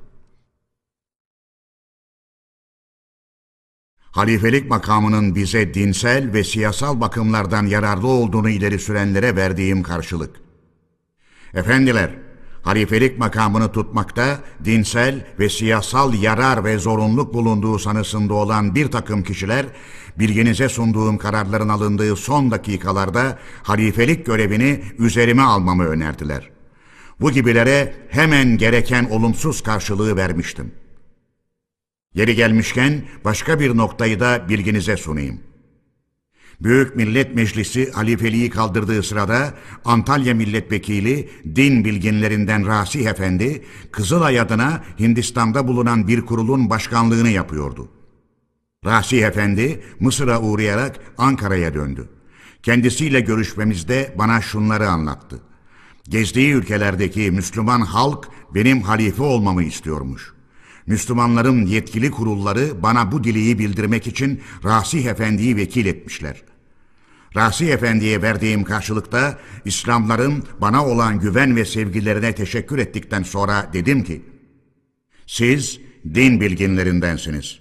Halifenin devlet başkanı demek olduğunu bilirsiniz. Başlarında kralları, imparatorları bulunan halkın bana ulaştırdığınız dilek ve önerilerini ben nasıl kabul edebilirim?'' Kabul ettim desem o halkın başındaki kişiler bunu isterler mi? Halifenin buyrukları ve yasakları yerine getirilir. Beni halife yapmak isteyenler buyruklarımı yerine getirebilecekler midir? Bu duruma göre yapacak işi ve anlamı olmayan gölgemsi bir makama oturmak gülünç olmaz mı? Efendiler, açık ve kesin söylemeliyim ki Müslüman halkı bir halife korkuluğu ile uğraştırmayı ve kandırmayı sürdürme çabasında bulunanlar yalnız ve ancak Müslümanların ve özellikle Türkiye'nin düşmanlarıdır. Böyle bir oyuna kapılmak da ancak ve ancak bilinçsizlik ve aymazlık belirtisi olabilir. Rauf Beylerin Vehip Paşaların, Çerkez Eten ve Reşitlerin, bütün 150'liklerin, halife ve padişah soyundan olanların, bütün Türkiye düşmanlarının el ele verip bize karşı ateşli olarak çalışıp uğraşmaları din cabası ile midir? Sınırlarımıza bitişik yerlerde yuvalanarak, hala Türkiye'yi yok etmek için kutsal ayaklanma adı altında haydut çeteleriyle, cana kıyma düzenleriyle bize karşı durmadan çılgınca çalışmaların amaçları gerçekten kutsal mıdır? Buna inanmak için büsbütün bilisiz ve aymaz olmak gerekir. Müslümanları ve Türk ulusunu bu kerteye düşmüş saymak ve Müslümanlık dünyasının vicdan aralığından, yaratılış inceliğinden alçakça ve canavarca amaçlar için yararlanmayı sürdürmek artık o denli kolay olmayacaktır. Saygısızlığın da bir ölçüsü vardır. Büyük bir kötücül düzen. Şimdi muhterem efendiler, isterseniz size büyük bir kötücül düzen üzerine bilgi vereyim.'' 1924 yılı Ekim'inin 26. günü geç saatlerde 1. Ordu müfettişinin görevinden çekildiğini bana bildirdiler. Müfettiş Paşa'nın Genelkurmay Başkanlığına verdiği çekilme dilekçesi şudur. Genelkurmay Başkanlığına Bir yıllık ordu müfettişliğim sırasında gerek teftişlerim sonunda verdiğim raporların, gerekse ordumuzun yükselmesi ve güçlendirilmesi için sunduğum tasarıların dikkate alınmadığını görmekle üzüntüm ve kaygım çok büyüktür. Üzerime düşen görevi milletvekili olarak daha çok gönül rahatlığı ile yapacağıma tam inancım olduğu için ordu müfettişliğinden çekildiğimi bilgilerinize sunarım efendim. Milli Savunma Bakanlığı'na da yazılmıştır. 26 Ekim 1924 Kazım Karabekir Bu çekilme yazısının altında renkli kalemle şunlar yazılıdır. Çekilmesini uygun bulmadığımı bildirdim. Düşüncesinde direndi.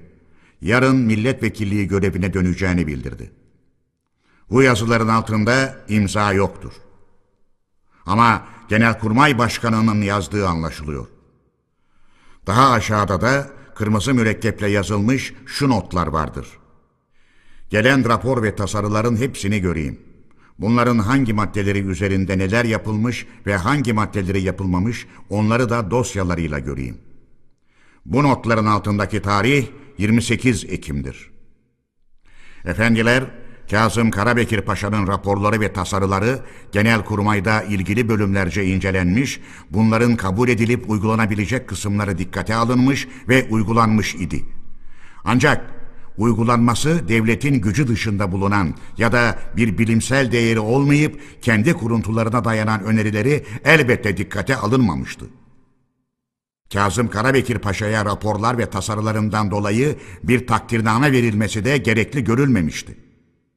30 Ekim günü de 2. Ordu Müfettişi Ali Fuat Paşa'nın Konya'dan geldiği bildirildi. Kendisini akşam yemeğine Çankaya'ya çağırdım.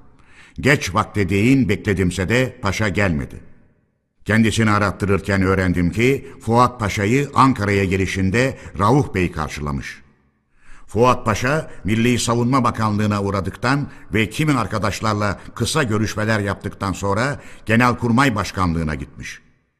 Bir süre Fevzi Paşa ile görüşmüş. Çıkarken de Fevzi Paşa'nın emir subayına şu kağıdı bırakmış. 30 10 1924 Genelkurmay Başkanlığı yüksek katına. Milletvekilliği görevime başlayacağımdan ikinci Ordu Müfettişliği görevinden bağışlanmamı saygı ile dilerim efendim. Ankara Milletvekili Ali Fuat Efendiler, milletvekilliğinden çekildiğini meclis başkanlığına bildirmiş olan Refet Paşa'nın da çekilme yazısını Rauf Bey'in geri aldırdığını öğrenmiştim. Dumlupınar'da yapılan törenden sonra Bursa ve Karadeniz kıyıları ile Erzurum dolaylarında bir buçuk ay süren bir gezi sonunda Ekim'in 18. günü Ankara'ya dönmüştüm. Birçok milletvekili arkadaşlar ve başkaları beni karşılamışlardı. Karşılayanlar arasında Ankara'da bulunan Rauf ve Adnan Beyleri görmemiştim. Oysa dargınlık belirtisi sayılabilecek böyle bir davranışı beklemiyordum. Efendiler, bir kötücül düzen karşısında bulunduğumuz yargısına varmakta hiç duraksamadım. Bu durum ve görünüş şöyle incelenip irdelenebilirdi. Bir yıldan beri yani Rauf Bey'in Bakanlar Kurulu Başkanlığından çekildiğinden beri Rauf Bey ile Kazım Karabekir Paşa, Ali Fuat Paşa, Refet Paşa ve başkaları arasında bir düzen düşünülmüştür. Bunda başarı sağlayabilmek için orduyu ele almak gerekli görülmüştür. Bu amaçla Kazım Karabekir Paşa 1. Ordu Müfettişliğine atandıktan sonra eskiden komutanlık yaptığı bölge olan Doğu illerinde dolaşırken Ali Fuat Paşa da siyasayı sevmediğini ve yaşaması boyunca askerlik görevinde kalmak istediğini ileri sürdü ve rütbesi yükseltilerek 2. Ordu Müfettişliğine gitti. Üçüncü ordu müfettişi olan Cevat Paşa'nın ve bu müfettişliğe bağlı kolordunun komutanı olan Cafer Tayyar Paşa'nın da bu düzende kendilerine katılabileceklerini umdular. Bir yıl ordular üzerinde kendi görüşlerine göre çalıştılar ve orduları kendilerine iyice bağladıklarını sandılar. Ordu müfettişliğinden çekilmeden önce kimi komutanları kendileriyle birlik olmaya kandırmak için çalıştılar.'' Bu bir yıl içinde Cumhuriyet'in ilanı, halifeliğin kaldırılması gibi işlerimiz ortaklaşa düzen kuranları birbirine daha çok yaklaştırdı ve birlikte çalışmalarına yol açtı. İşe siyasadan başlayacaklardı. Bunun için uygun zaman ve fırsatı bekliyorlardı. Siyasi alanındaki ve ordudaki hazırlıklarını yeter görüyorlardı.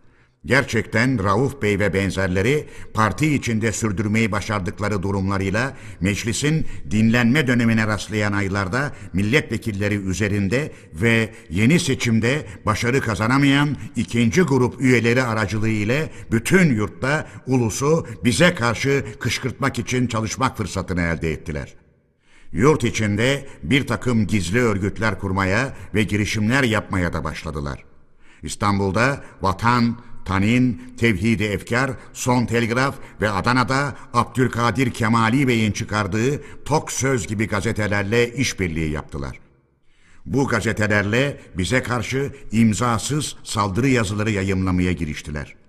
Ulus kamuoyunda genel bir kargaşa yarattılar. Hakkari bölgesinde Nasturi ayaklanmasını bastırmaya çalıştığımız bir sırada İngiltere hükümeti de hükümetimize kesin süreli bir nota verdi. Meclisi olağanüstü olarak toplantıya çağırdım. İngiltere'nin kesin süreli notasına bildiğiniz biçimde karşılık verdik. Savaşı bile göze aldık. İşte söz konusu ettiğimiz kişiler bu çetin günlerde bir yabancı devletin bize saldırabileceği günlerde kendilerinin de bize saldırarak gayelerine kolaylıkla ulaşabilecekleri kuruntusuna kapıldılar. Savaşa hazır bir durumda bulundurmaya zorunlu oldukları ordularını başsız bırakıp daha önce sevmediklerini söyledikleri siyasi alanına koştular.''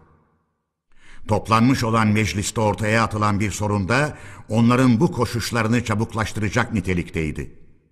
Gerçekten milletvekili Hoca Esat Efendi 20 Ekim 1924 günlü önergesiyle göçmenlerin değiştirilip yerleştirilmesi, yatılı okullara parasız olarak alınan öğrenci sayısı ve nerelerde ilkokullar açıldığı konularında bir takım soruları ilgili bakanlardan soruyordu. Bu soruların kapsadığı işler gerçekten ulusu ilgilendiren sorunlardı. Bu sorunlar bakanları yermek için çok elverişliydi. Özellikle göçmen değiştirme ve yerleştirme işlerinde herkesi düşündüren noktalar apaçık belliydi. Ben kendim de yaptığım gezi sırasındaki gördüklerime dayanarak değiştirme ve yerleştirme işlerinin gidişinden yakınmış ve Ankara'ya dönüşümde bu işlerle ilgili bakanlığın kaldırılmasını ve hükümetin bütün gücüyle bu konuda çalışmasını sağlayacak bir yol tutulmasını hükümete önermiştim. Bu önerimi de hükümet kabul etmiş idi. Durum bile saldırıya geçeceklerin bu işte çok yandaş kazanabilecekleri görüşünü pekiştirmekteydi. Efendiler, kurulan kötücü düzeni sezdikten sonra tedbirini bulmakta güçlük çekilmedi. Bıraktığımız yerden başlayarak durumu evre evre anlatayım. Kötücül düzene karşı aldığımız tedbirler.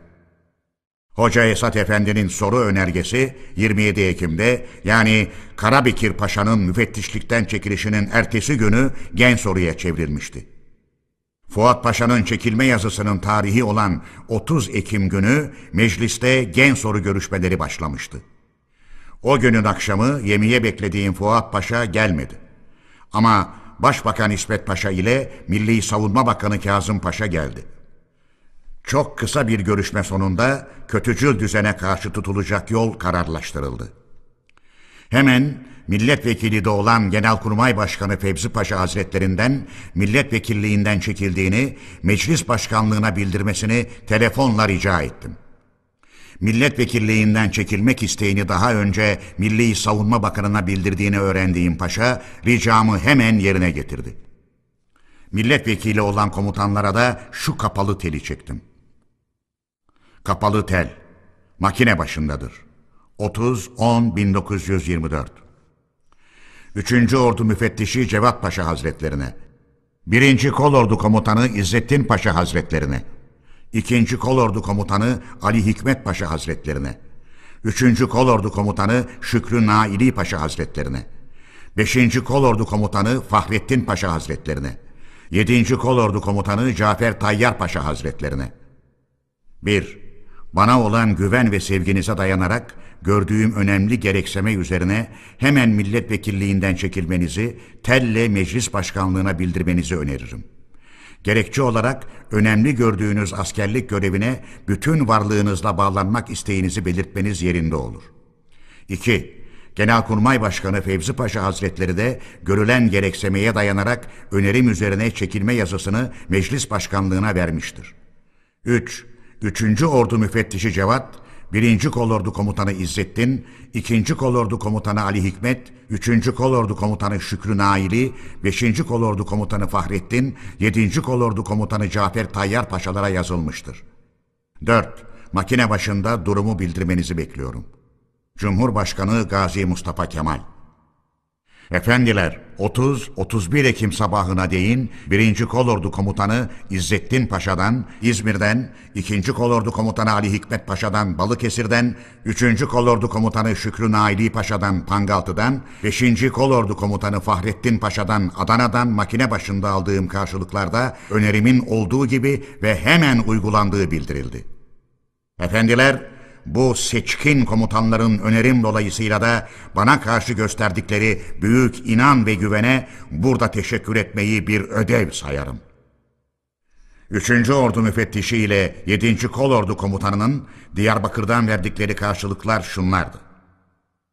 Müfettiş Paşa'nın verdiği karşılık.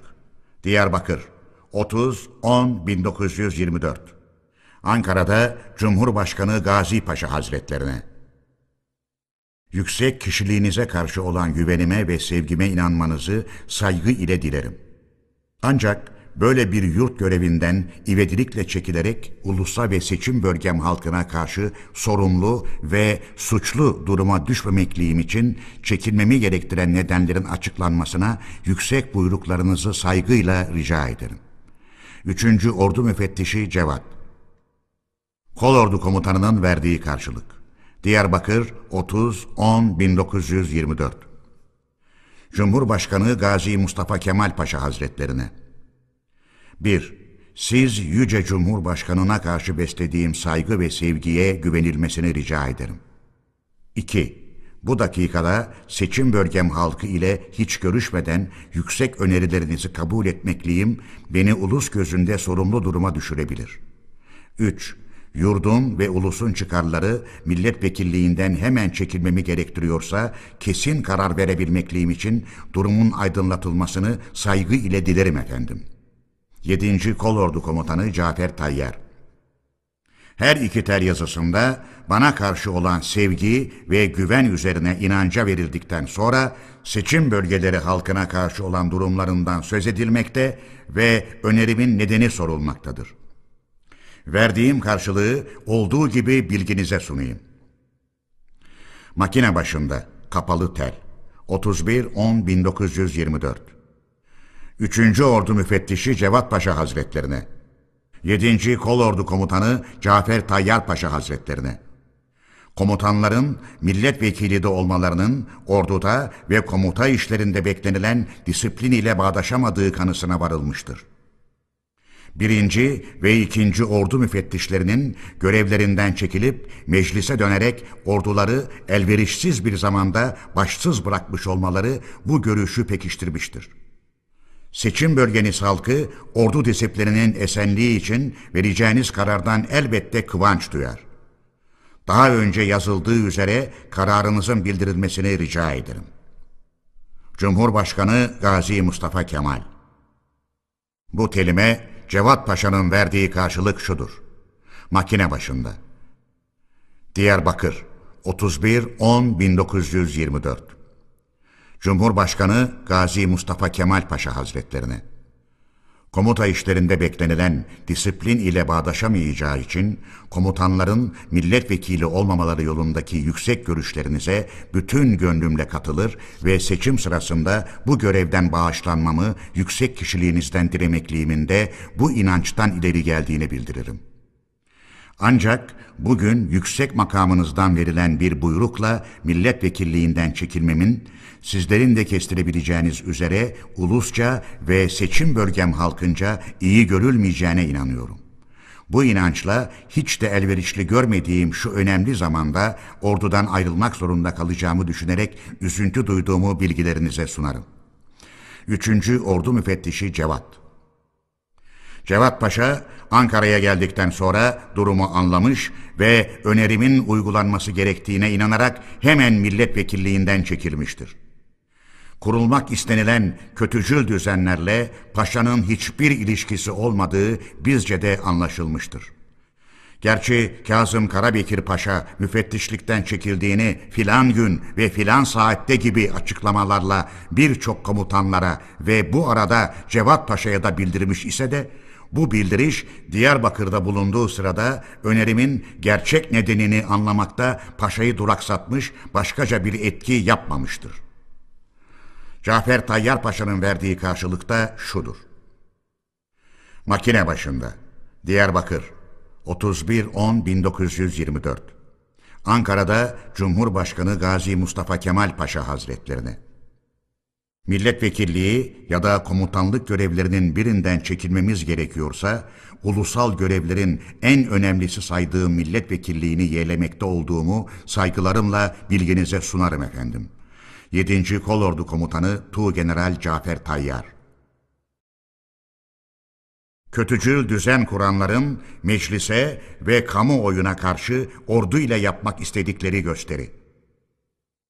Efendiler, milletvekili olan Genelkurmay Başkanı ve komutanlar siyasayla uğraşan kimselerin orduda bulunmasındaki sakıncayı anlayıp bu yoldaki önerimi iyi karşıladıktan ve bana karşı güvenlerini fiili olarak gösterdikten sonra Cevat ve Cafer Tayyar Paşaların müfettişlik ve komutanlıkta kalmaları uygun görülemezdi.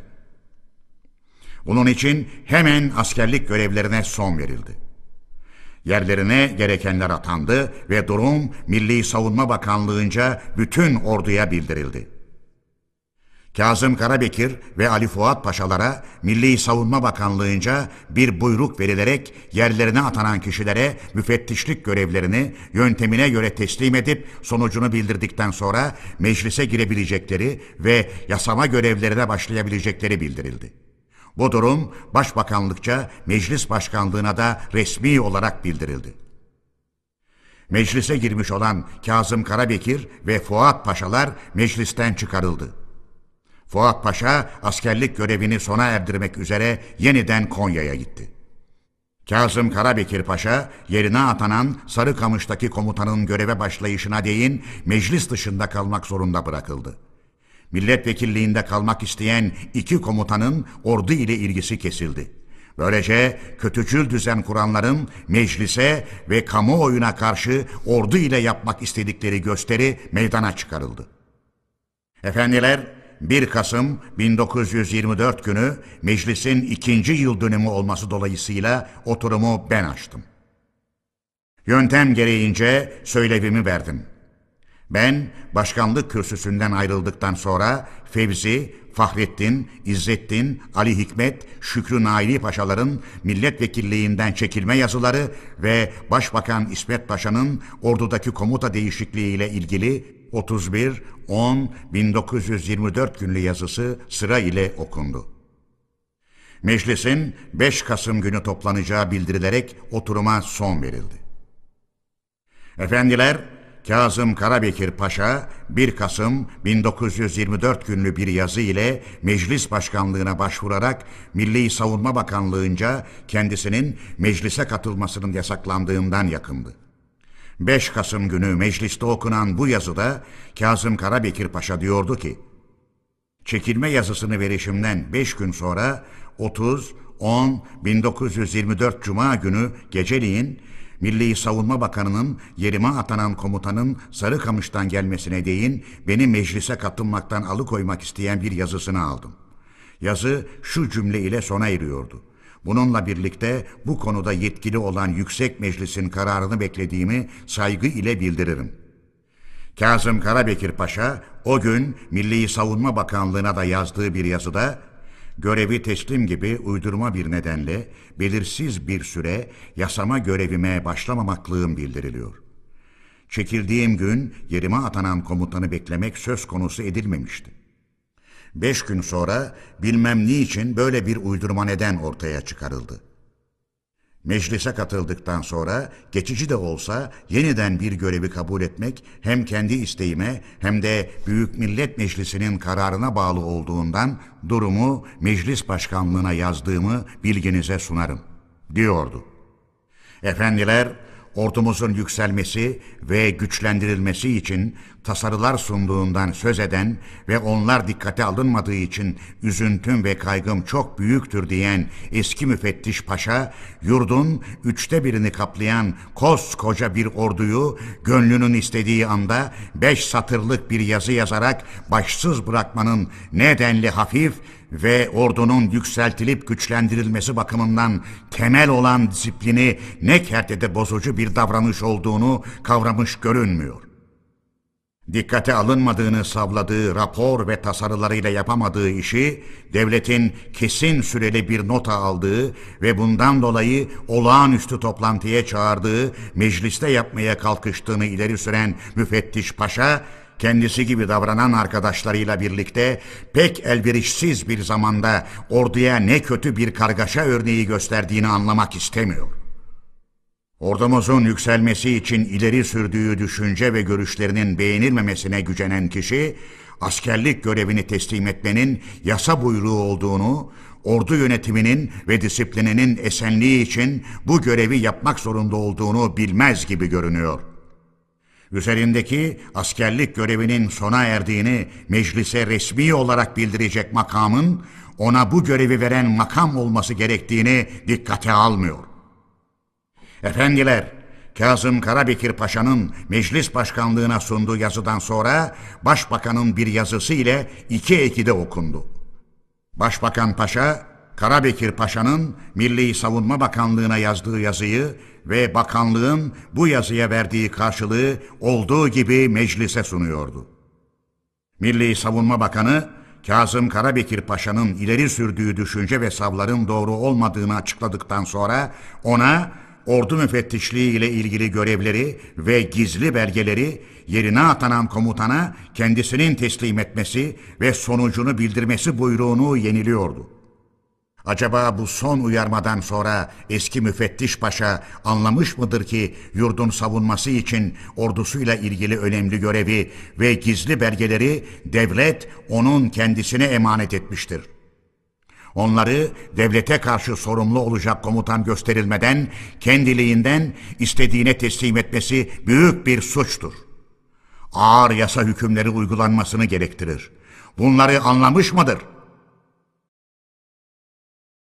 Kazım Karabekir Paşa'nın meclise bir an önce katılmasını isteyenler yaptığımız işlemi bozmaya çalışıyorlardı. Efendiler, Kazım Karabekir Paşa'nın meclise bir an önce katılması için ivedilik gösterenler yaptığımız işlemi bozmaya çalışmaktan geri kalmadılar. Feridun Fikri Bey, Tunceli Milletvekili. İlk olarak ortaya atıldı. Vehbi Bey, Balıkesir Milletvekili meclise katılan bir arkadaşı, bir üyeyi görüşmelere katılmaktan herhangi bir kuvvet alıkoyabilir mi? Böyle şey olur mu? diye yaygaraya başladı. Sayın Milletvekili ülküdeşini bir an önce mecliste çalışmaya başlatabilme çabasıyla yasa gücünü, onun ezegen gücünü ve o gücü ve erki kullanmak için yüksek meclisten ve ulustan yetki ve güven almış kişilerin dayanç ve kararlarında nedenli kesin olduklarını unutmuş gibi görünüyordu. İsmet Paşa'nın konuşması bu yaygaraları susturdu. Bu konu üzerindeki görüşme kapandı paşalara verilen buyruklar eksiksiz uygulatıldı.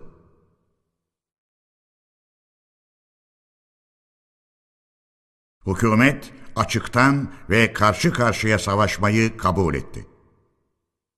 Meclis genel görüşmeye geçti. Görüşülecek sorun mübadele, İmar ve İskan Bakanlığı ile ilgili gen soruydu. Başbakan İsmet Paşa kürsüye çıkarak şu öneride bulundu. Birçok milletvekillerinin onarım ve yerleştirme işleri üzerinde konuşmaktan daha çok türlü ilişkilerle çeşitli bakanlıkların işlerine değindiklerini gördüm. Dahası kimi milletvekilleri başbakanın devletin iç ve dış siyasası üzerinde önüne boyuna ayrıntılı bilgi vermesini istemişlerdir. Bu isteklerin hepsini seve seve benimsiyorum. Mübadele Bakanı yüksek meclisçe uygun görülerek başkan vekilliğine seçilmiştir. Ama bundan dolayı gen sorunun önem ve kapsamının hiçbir bakımdan kısılmamasını öneririm. Ben iyi biçimlenmiş işleri severim. Böylece hükümet sahnenin perdesini kaldırdı ve oyun hazırlığı yapanların oyunlarını, oynamalarını çabuklaştırdı. Hükümet açıktan ve karşı karşıya savaşmayı kabul etmiş bulunuyordu. Efendiler hükümetten yana ve muhalif olmak üzere 30'a yakın milletvekili söz söyledi. Adalet ve Milli Eğitim Bakanları da konuştular. Tartışma bir sonuç alınmaksızın 5 saat sürdü. Gen soru görüşmesi ertesi güne bırakıldı. Ertesi günü öğleden sonra saat 2.30'da görüşmelere başlandı. İlk sözü alan İçişleri Bakanı ve Mübadele İmar ve İskan Bakanı Vekili Recep Bey oldu. Uzun bir açıklama yaptı. Muhalifler oturdukları yerlerden Recep Bey'e kısa sözlerle sataşıyorlardı. Recep Bey konuşmasının bir yerinde dedi ki, Kimi gazeteler ve kimi kişiler diyorlar ki Ankara'da bir hükümet varmış. Meclisin dinlenme döneminde ülkeyi ne kadar yasa dışı, kural dışı yöntemler varsa hep bunlarla yönetmiş.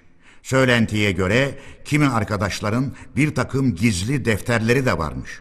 Orada bakanların yaptıkları yasaya aykırı işler yazılı imiş. Bir gün gelecekmiş, meclis toplanacak ve orada hükümeti sorguya çekeceklermiş. O zaman o gizli defterlerde yazılı olan şeyler ulusun önünde hükümetten sorulacakmış. İşte o gün gelmiştir. O defterlerde yazılı olan şeyleri ulusun gözü önüne döksünler. Feridun Fikri Bey arkadaşları adına çoğul takısı kullanarak karşılık verdi. Sırasında dökeceğiz dedi. Recep Bey karşılık verdi. Dökünüz efendim, bekliyoruz. Hükümet ulusun önünde her zaman sorumluluk bağrı açık olarak karşınızdadır, dedi ve şu sözleri ekledi. Ülke gizliliğe, kapalılığa, belirsizliğe, kararsızlığa dayanamayacak bir durumdadır.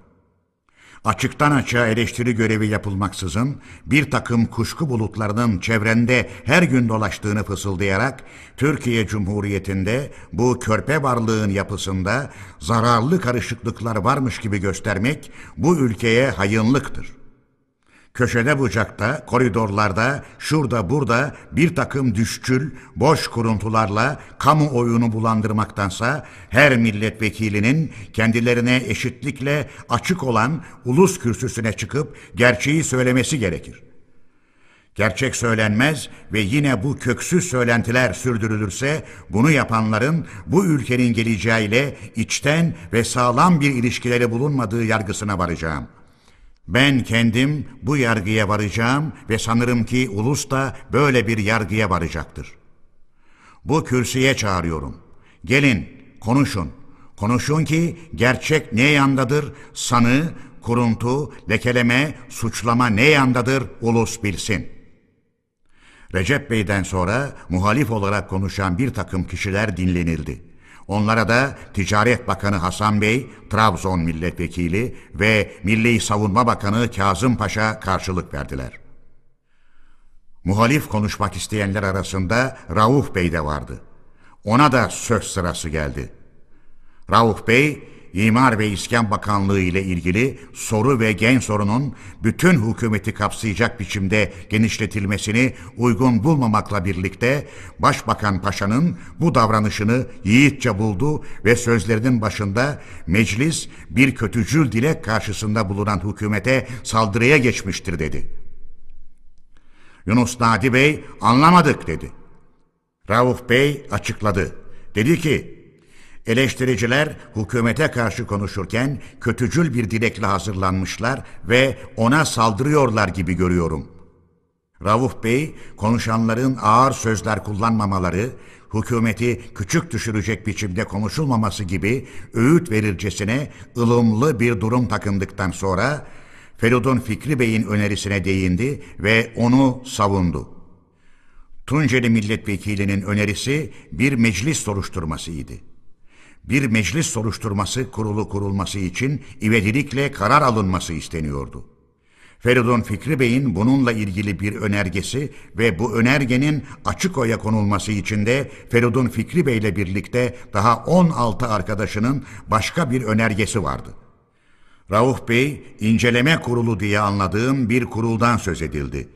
Söyleyen Feridun Fikri Bey'dir. Dedikten sonra şunları ekledi.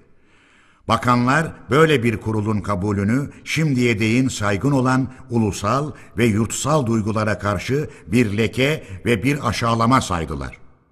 Yunus Nadi Bey, Rauf Bey'in sözünü kesti. Biraz öyle dedi. Rauf Bey de hepimizin yanılmaz olmadığımızı kabul ederek söylüyorum ve bunun gerekli olduğunu ben de ilgili olduğum için herkesten önce ben istiyorum dedi.'' Cumhuriyet sözünü söylemeye Rauf Bey'in dili varmıyordu. Rauf Bey söz söylerken meclise karşı çok saygılı olduğunu göstermek için de ilişki aramaya önem veriyordu. Bir yerini getirerek dedi ki, bu yüksek meclisin koyduğu yasalara kimi atlar takılmıştır. Koridor yasaları denilmiştir. Rauf Bey yüksek meclise saygı gösterilmesini istiyordu. Rauf Bey, Yüksek Meclis'in Cumhuriyeti kuran yasası karşısında takındığı saygısız durumun unutulduğunu sanmış olacak. Mazhar Müfit Bey, Denizli Milletvekili, onu ilk önce sayın arkadaşınız Muhtar Beyefendi söylemiştir, dedi. Bu söz Rauf Bey'e konuşma yönünü değiştirdi ise de Muhtar Bey alındı. Sayıp Bey, Kozan söze karıştı. En sonu başkanlığın işe karışması ve uyarması ile Rauf Bey'in konuşmasını sürdürmesi sağlandı. Rauf Bey döndü, dolaştı, en sonu ilke sorununa dayandı. Tutumumuz, yolumuz sınırsız ve koşulsuz ulusal egemenlik ilkesidir, dedi. Yunus Nadi Bey'in sesi işitildi. Cumhuriyet! Rauf Bey karşılık vermedi.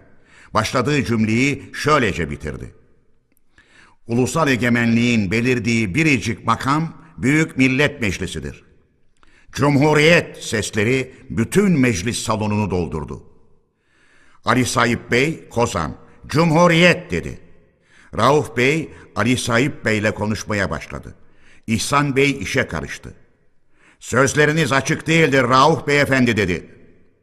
Rauf Bey, açıktır. Çok rica ederim İhsan Beyefendi dedi. İhsan Bey de pek açık değildir. Uzun süreden beri sizinle anlaşamadık dedi. Rauf Bey, İhsan Bey'in yüksek adalet duygusu bulunduğundan, yargıçlık etmiş olduğundan söz ederek dedi ki, suçsuzluk temel ilkedir. Tersi tanıtlanamadıkça yanlardan birini sanık gibi göstermek ve onu sanık diye adlandırmak doğru değildir. İhsan Bey karşılık verdi. Gerçeği söylemeyen sanıktan işkillenmekte yargıç haklıdır dedi. Rauf Bey ile İhsan Bey arasındaki karşılıklı konuşma biraz uzadı. Başkan işe karıştı. Rauf Bey yine konuşmaya başladı. Bakanların görev ve yetkileri ile ilgili bir yasa yapılması anayasa buyruğuydu. Bu yapıldı mı? Bunu soruyorum dedi. Efendiler, yasaları meclis yaptığına göre Rauf Bey bu soruyu hükümete değil, kendisinin de üye olarak içinde bulunduğu meclise soruyordu. Rauf Bey, Danıştay kuruluşuna değindikten sonra, haydutluğun ortadan kaldırılması ile ilgili yasa uygulanmış mıdır? Köy yasası uygulanmış mıdır diye İçişleri Bakanı'ndan başlayarak bayındırlık, ticaret, tarım, milli savunma, adalet, milli eğitim bakanlarına çeşitli sorular sordu. Bütün bu sorularla Rauf Bey'in ulusun ve ordunun dikkatini çekmek istediği anlaşılıyordu.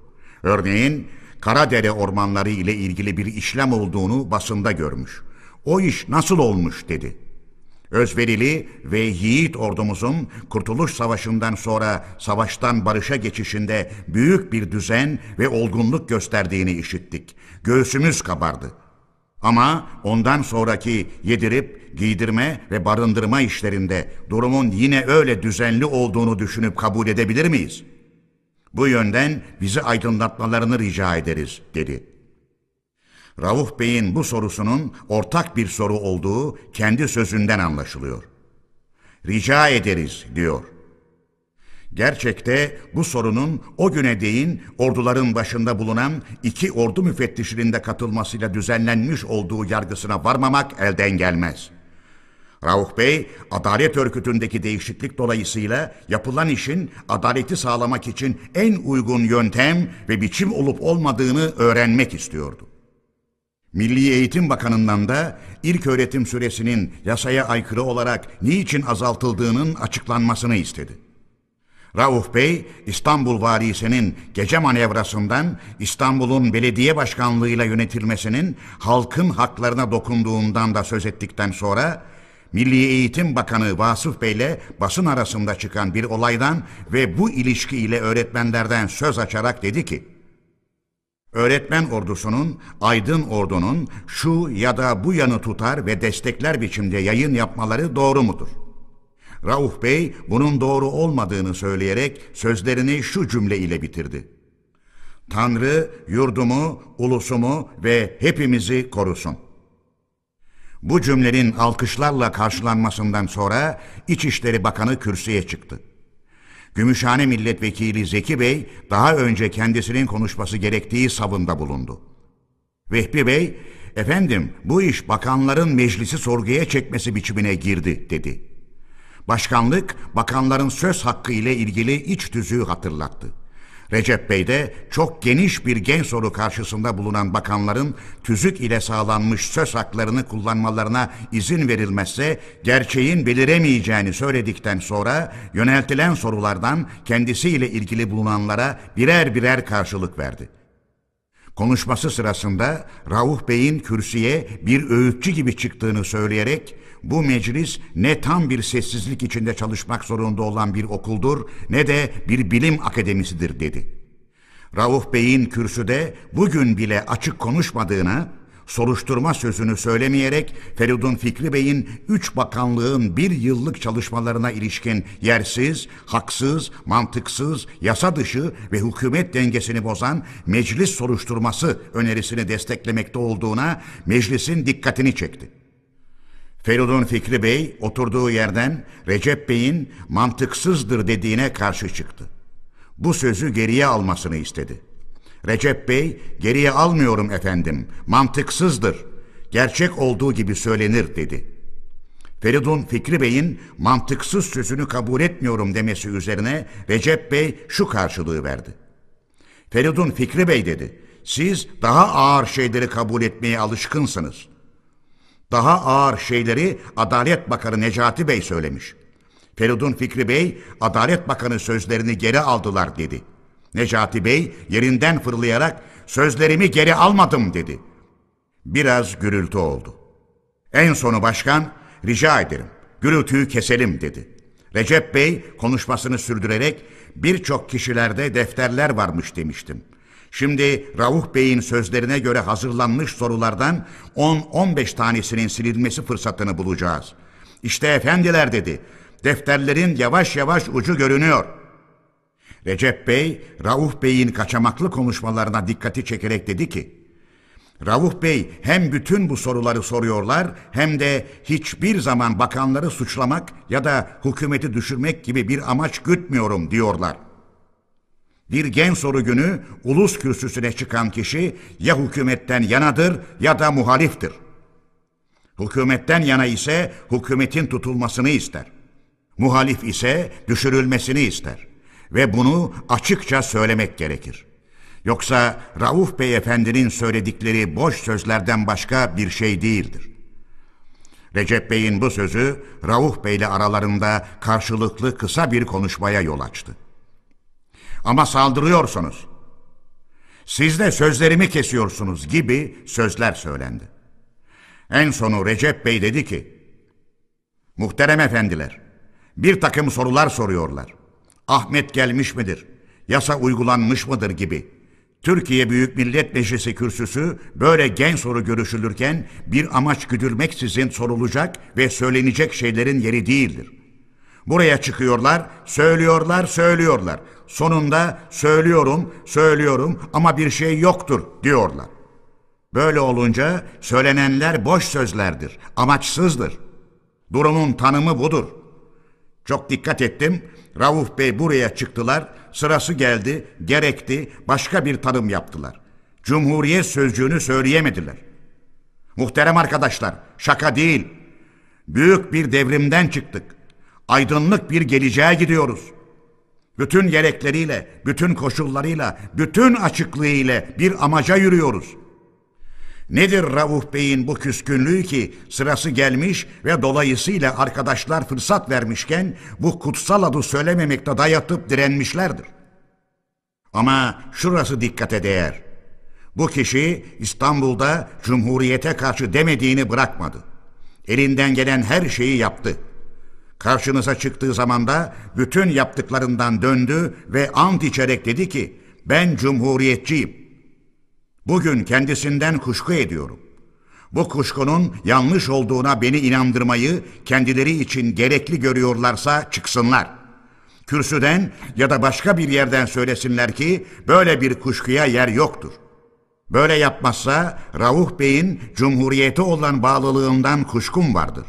Ve bu kuşkum sürecektir. Gerçek budur. Recep Bey açıklamasını bitirirken, muhterem arkadaşlar dedi. Boğazımıza dek kan içinde yoğrularak bugüne değin yürüttüğümüz bu işi, bu kutsal yurdun yükselişini kesinlikle sağlayacak olan bu işi şimdiki aşamasına getirdik. Bugünden sonra en büyük yanılgı duraksamalar, kuşkular, kararsızlıklardır. Bunların nereye varacağını kimse bilemez.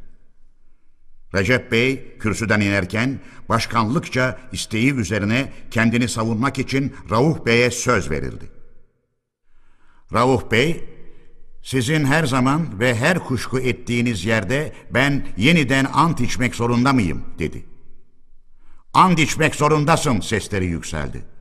Rauf Bey bu seslere hayır efendiler kimsenin kimseden kuşku etmeye hakkı yoktur diye karşılık verdi.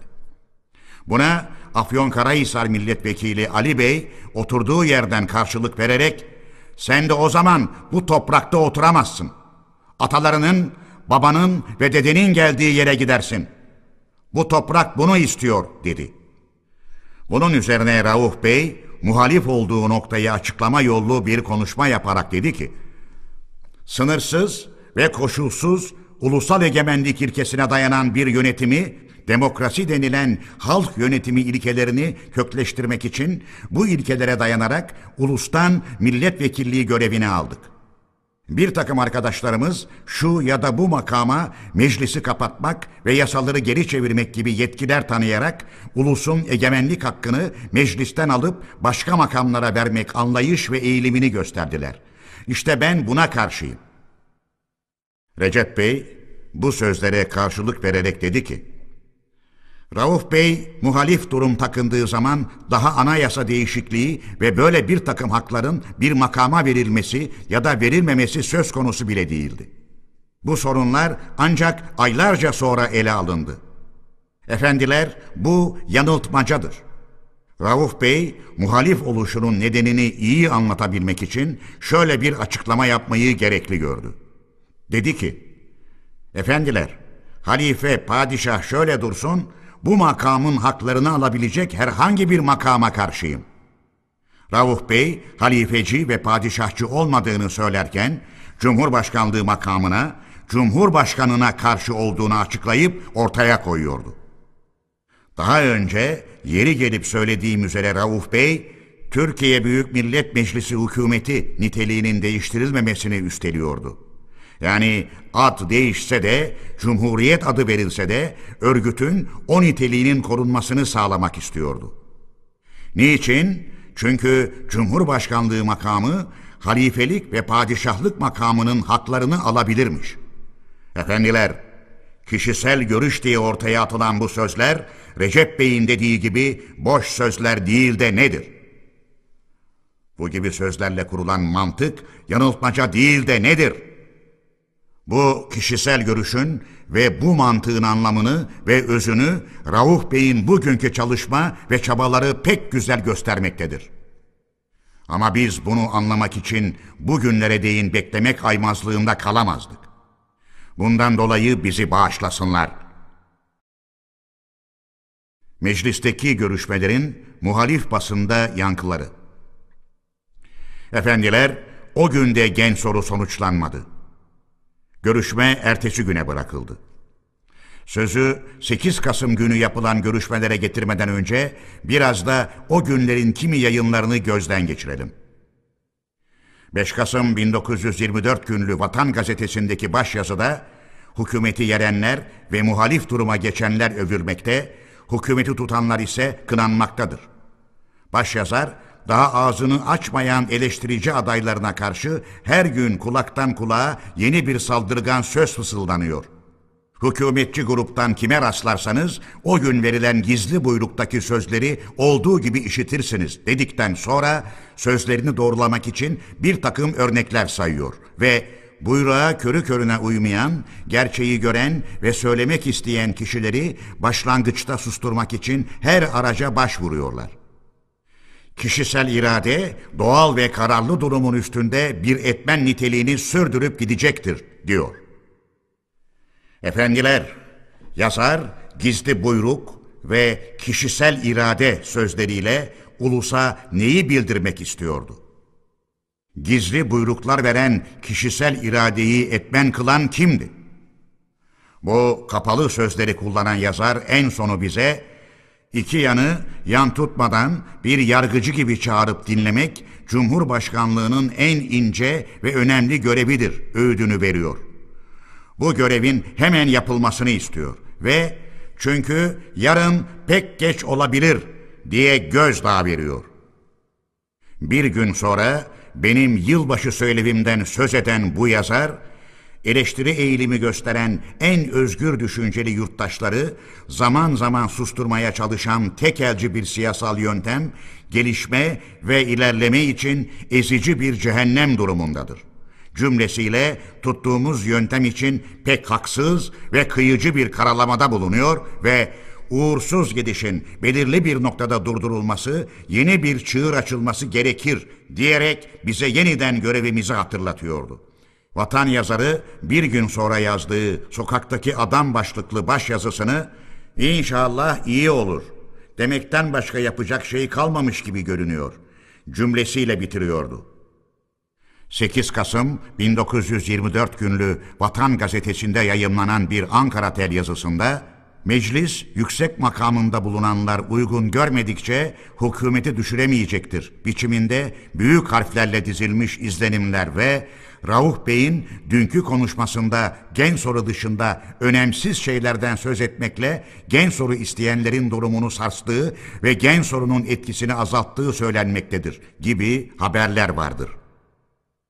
Vatan Gazetesi'nin gen soru görüşmelerini izlemek için özel olarak gönderdiği haberci, izlenimlerinde olayları pek iyi yansıtamıyorsa da gen sorunun etkisinin azalışı nedenleri üzerinde verdiği haberde aldanmış görünmüyordu. Efendiler, Tevhid-i Efkar'ın baş yazarı da bir süre baş yazılarla muhalifleri destekleyip yüreklendiriyor, hükümetin ve hükümeti tutan milletvekillerinin ise kendilerini savunmalarını ve söz söylemelerini bile istemiyordu. Bu baş yazar diyordu ki, Mecliste hükümeti tutan milletvekilleri böyle her önemli işi gürültüye boğmak eğlencesini sürdürerek eleştiricileri susturdukça İsmet Taşı hükümeti hiç kuşkusuz güven oyu alacaktır. Ama bu güven oyunun gerçek niteliği en sonu bir küçük sandığın içine çok sayıda ak kağıt atılmış olmasından öteye geçemez. Bu boş sözler üzerinde durmayı gerekli görmüyorum. Biraz da Tanin gazetesine bakalım. Tanin'in Siyasal Mayalanmalar başlıklı bir yazısında Kurtuluş Savaşı'nda büyük yararlılıklarıyla tanınmış, saygıdeğer ve güvenilir kimi kişiler arasında bir işbirliği yapılmakta olduğu haber alındığından Halk Partisi'ni ve hükümeti içtenlikle tutan basının bu haberleri pek kötü karşılayıp yorumladıklarından bunların kurulmakta olan yeni partiyi daha şimdiden gözden düşürecek nitelikte düşünceler ileri sürmeye kalkıştıklarından söz edilmektedir. Yazıda program konusuna değinilirken Halk Partisi'nin programı olmadığına dikkat çekildikten sonra biz Halk Partisi'ni hiç beğenmiyoruz. Ama Halk Partisi'nin ilkeleri adına söylenen ve görülen şeyleri tümüyle benimsiyoruz deniliyor ve Halk Partisi ilkelerinden ne anlaşıldığı açıklanarak ama acaba gerçekte de böyle midir sorusu ortaya atılıyor. Yazar bu soruya olumsuz karşılık veriyor ve gönlümüz karşısında böyle bir yenileştirme ve düzeltme partisi görmeyi istediği için Halk Partisi'ni bu dediğimiz biçimde düşlemekteyiz diyor. Ondan sonra yazar şunları söylüyor. Halk Partisi'nin programı ve sözleri başkadır, tuttuğu yol başkadır. Halk Partisi'nin halkçılığı dudaklarındadır. Bu düşünceleri ileri süren birinci cümlesiyle Halk Partisi Cumhuriyet kuracağını, halifeliği kaldıracağını programına yazıp ilan etmedi ve söylemedi. Ama fiili olarak yaptı demek istiyorsa doğrudur. Ancak ikinci cümleyle Halk Partisi için söyledikleri doğru değildir. Yazar, muhalif kişilerin iş başına gelmek istemelerinin türeye uygunluğunu tanıtlamak için söylediği birçok sözlere şunu da ekliyor.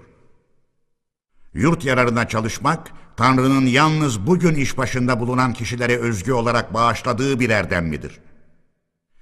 Tanin başyazarı 4 Kasım 1924 günü yazdığı Ordu ve Siyasa başlıklı bir başyazıda şu düşünceleri ileri sürüyor. Hükümet biçimi cumhuriyettir. Ama hükümetin yalnız adını değiştirmek hiçbir yarar sağlamaz. Asıl değiştirilmesi gereken nokta işin özüdür, ilkeleridir.'' Bugün Amerika Birleşik Devletleri dışında Amerika'da 20'ye yakın ülke vardır ki hepsinin adı da Cumhuriyettir. Dahası hep zencilerden meydana gelen Haiti bile bir cumhuriyettir. Ama buralarda cumhuriyet saltçılıktan pek az ayrılmaktadır. Soydan gelen bir devlet başkanı yerine zorla cumhurbaşkanlığına çıkmış bir zorba görürüz. İşte bu kadar. Cumhurbaşkanı sanını taşıyan zorba egemenliğini istediği gibi yürütür. Saltçı bir devlet başkanı gibi kendi istek ve dileğinden başka bir yasa tanımaz. Tanin başyazarı söz konusu ettiği Amerika Cumhuriyetlerinden Şili'yi bir yana bırakarak ötekiler için diyor ki, hiçbirisi bugün gerçek cumhuriyet adını taşıyacak nitelikte değildir. Çünkü demokrasiye dayanmıyorlar. Cumhuriyet adı altında saltçı hükümetlerin egemenlik sürmesi başkanların asker olması yüzündendir. Burada biraz durmak isterim.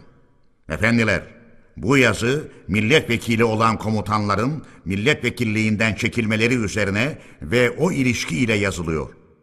Ama öyle bir zamanda yazılıyor ki ordularımızın müfettişleri orduları bırakıp hükümeti düşürmek için meclise gelmişlerdir.''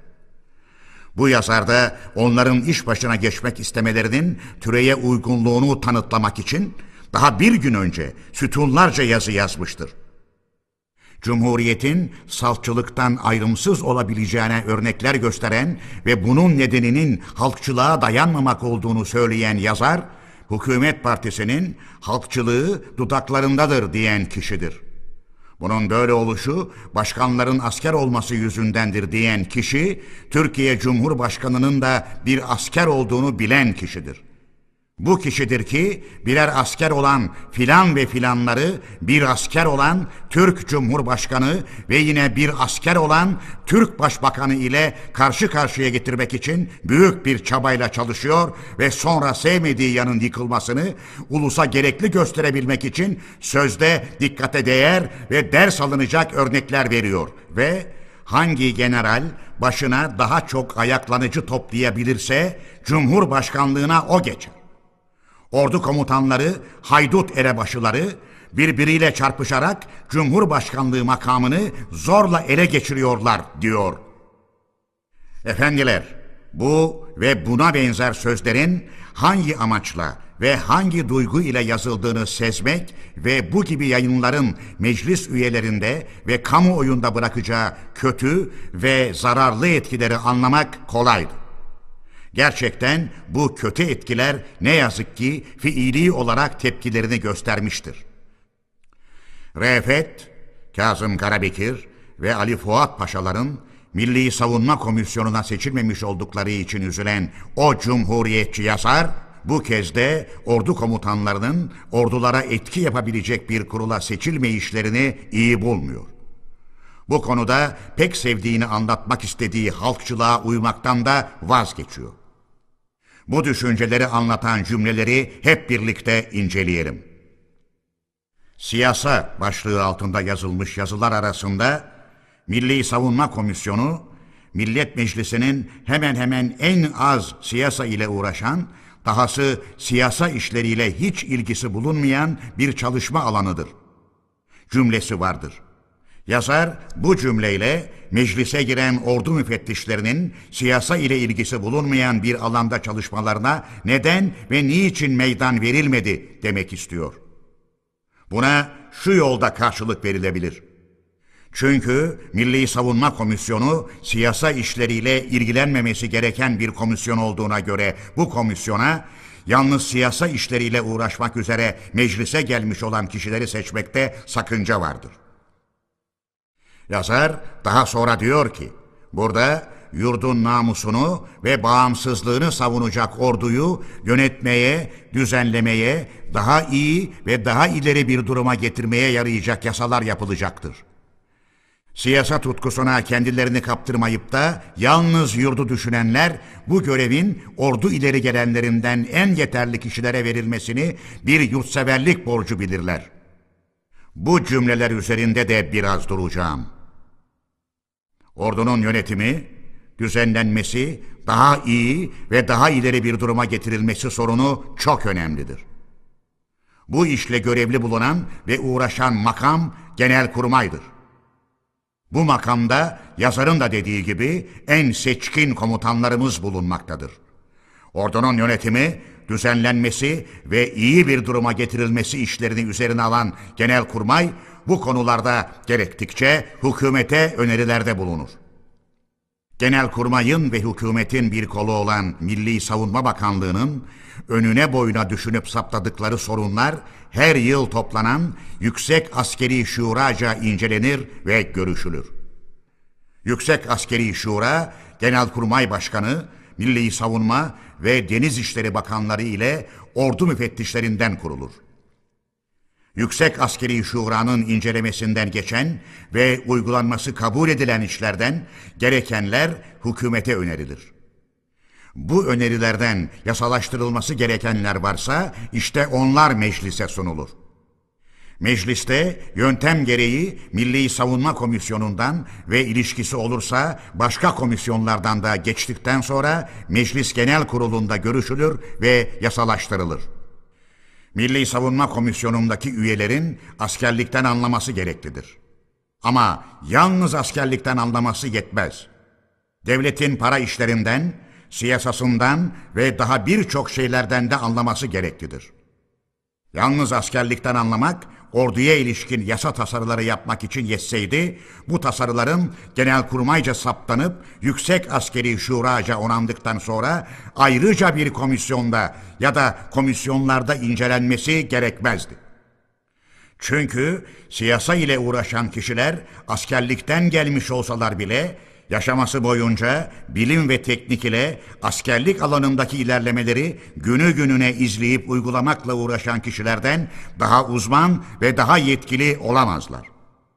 Ordunun yönetimi, düzenlenmesi ve iyi bir duruma getirilmesi için en uygun düşünceleri ve pek çok bilgi ve görgüleri olduğunu sanan ve yüksek askeri şurada yasa gereğince üye bulunan ordu müfettişleri için en uygun çalışma alanı orduların başındaki ve yüksek askeri şura içindeki yerleriydi. Ağır başlılık isteyen bu yerin değer ve önemini anlamayıp hükümeti, Milli Savunma Bakanlığı'nı, Genelkurmay'ı beğenmeyip onları kendilerinin askerlikle ilgili düşünce ve tasarılarını değerlendirmekten uzak görerek siyasi alanında çalışmayı yeğleyen komutanların Milli Savunma Komisyonu'na seçilmesini sağlamaya çalışmak, onların hükümetten gelen orduya ilişkin her çeşit önerilerin sonuçlandırılmasını engelleme ve bunlardan yararlanarak hükümeti düşürme ve Genelkurmay Başkanı'nı değiştirme gibi kötü dileklerini gerçekleştirmek için olabilir. Tanin başyazarının da bundan başka bir şey için çalıştığını sanmak akla yatkın değildir amacının gerçekleşmemesinden kaygılı ve üzüntülü olan yazar, eski Atina Cumhuriyeti'nde halkçılık ilkelerine o denli bağlı idiler ki yönetim kollarının hiçbirinde bilgi ve uzmanlık yönünden olsun bir sivrilme kuralı kabul edememişlerdi.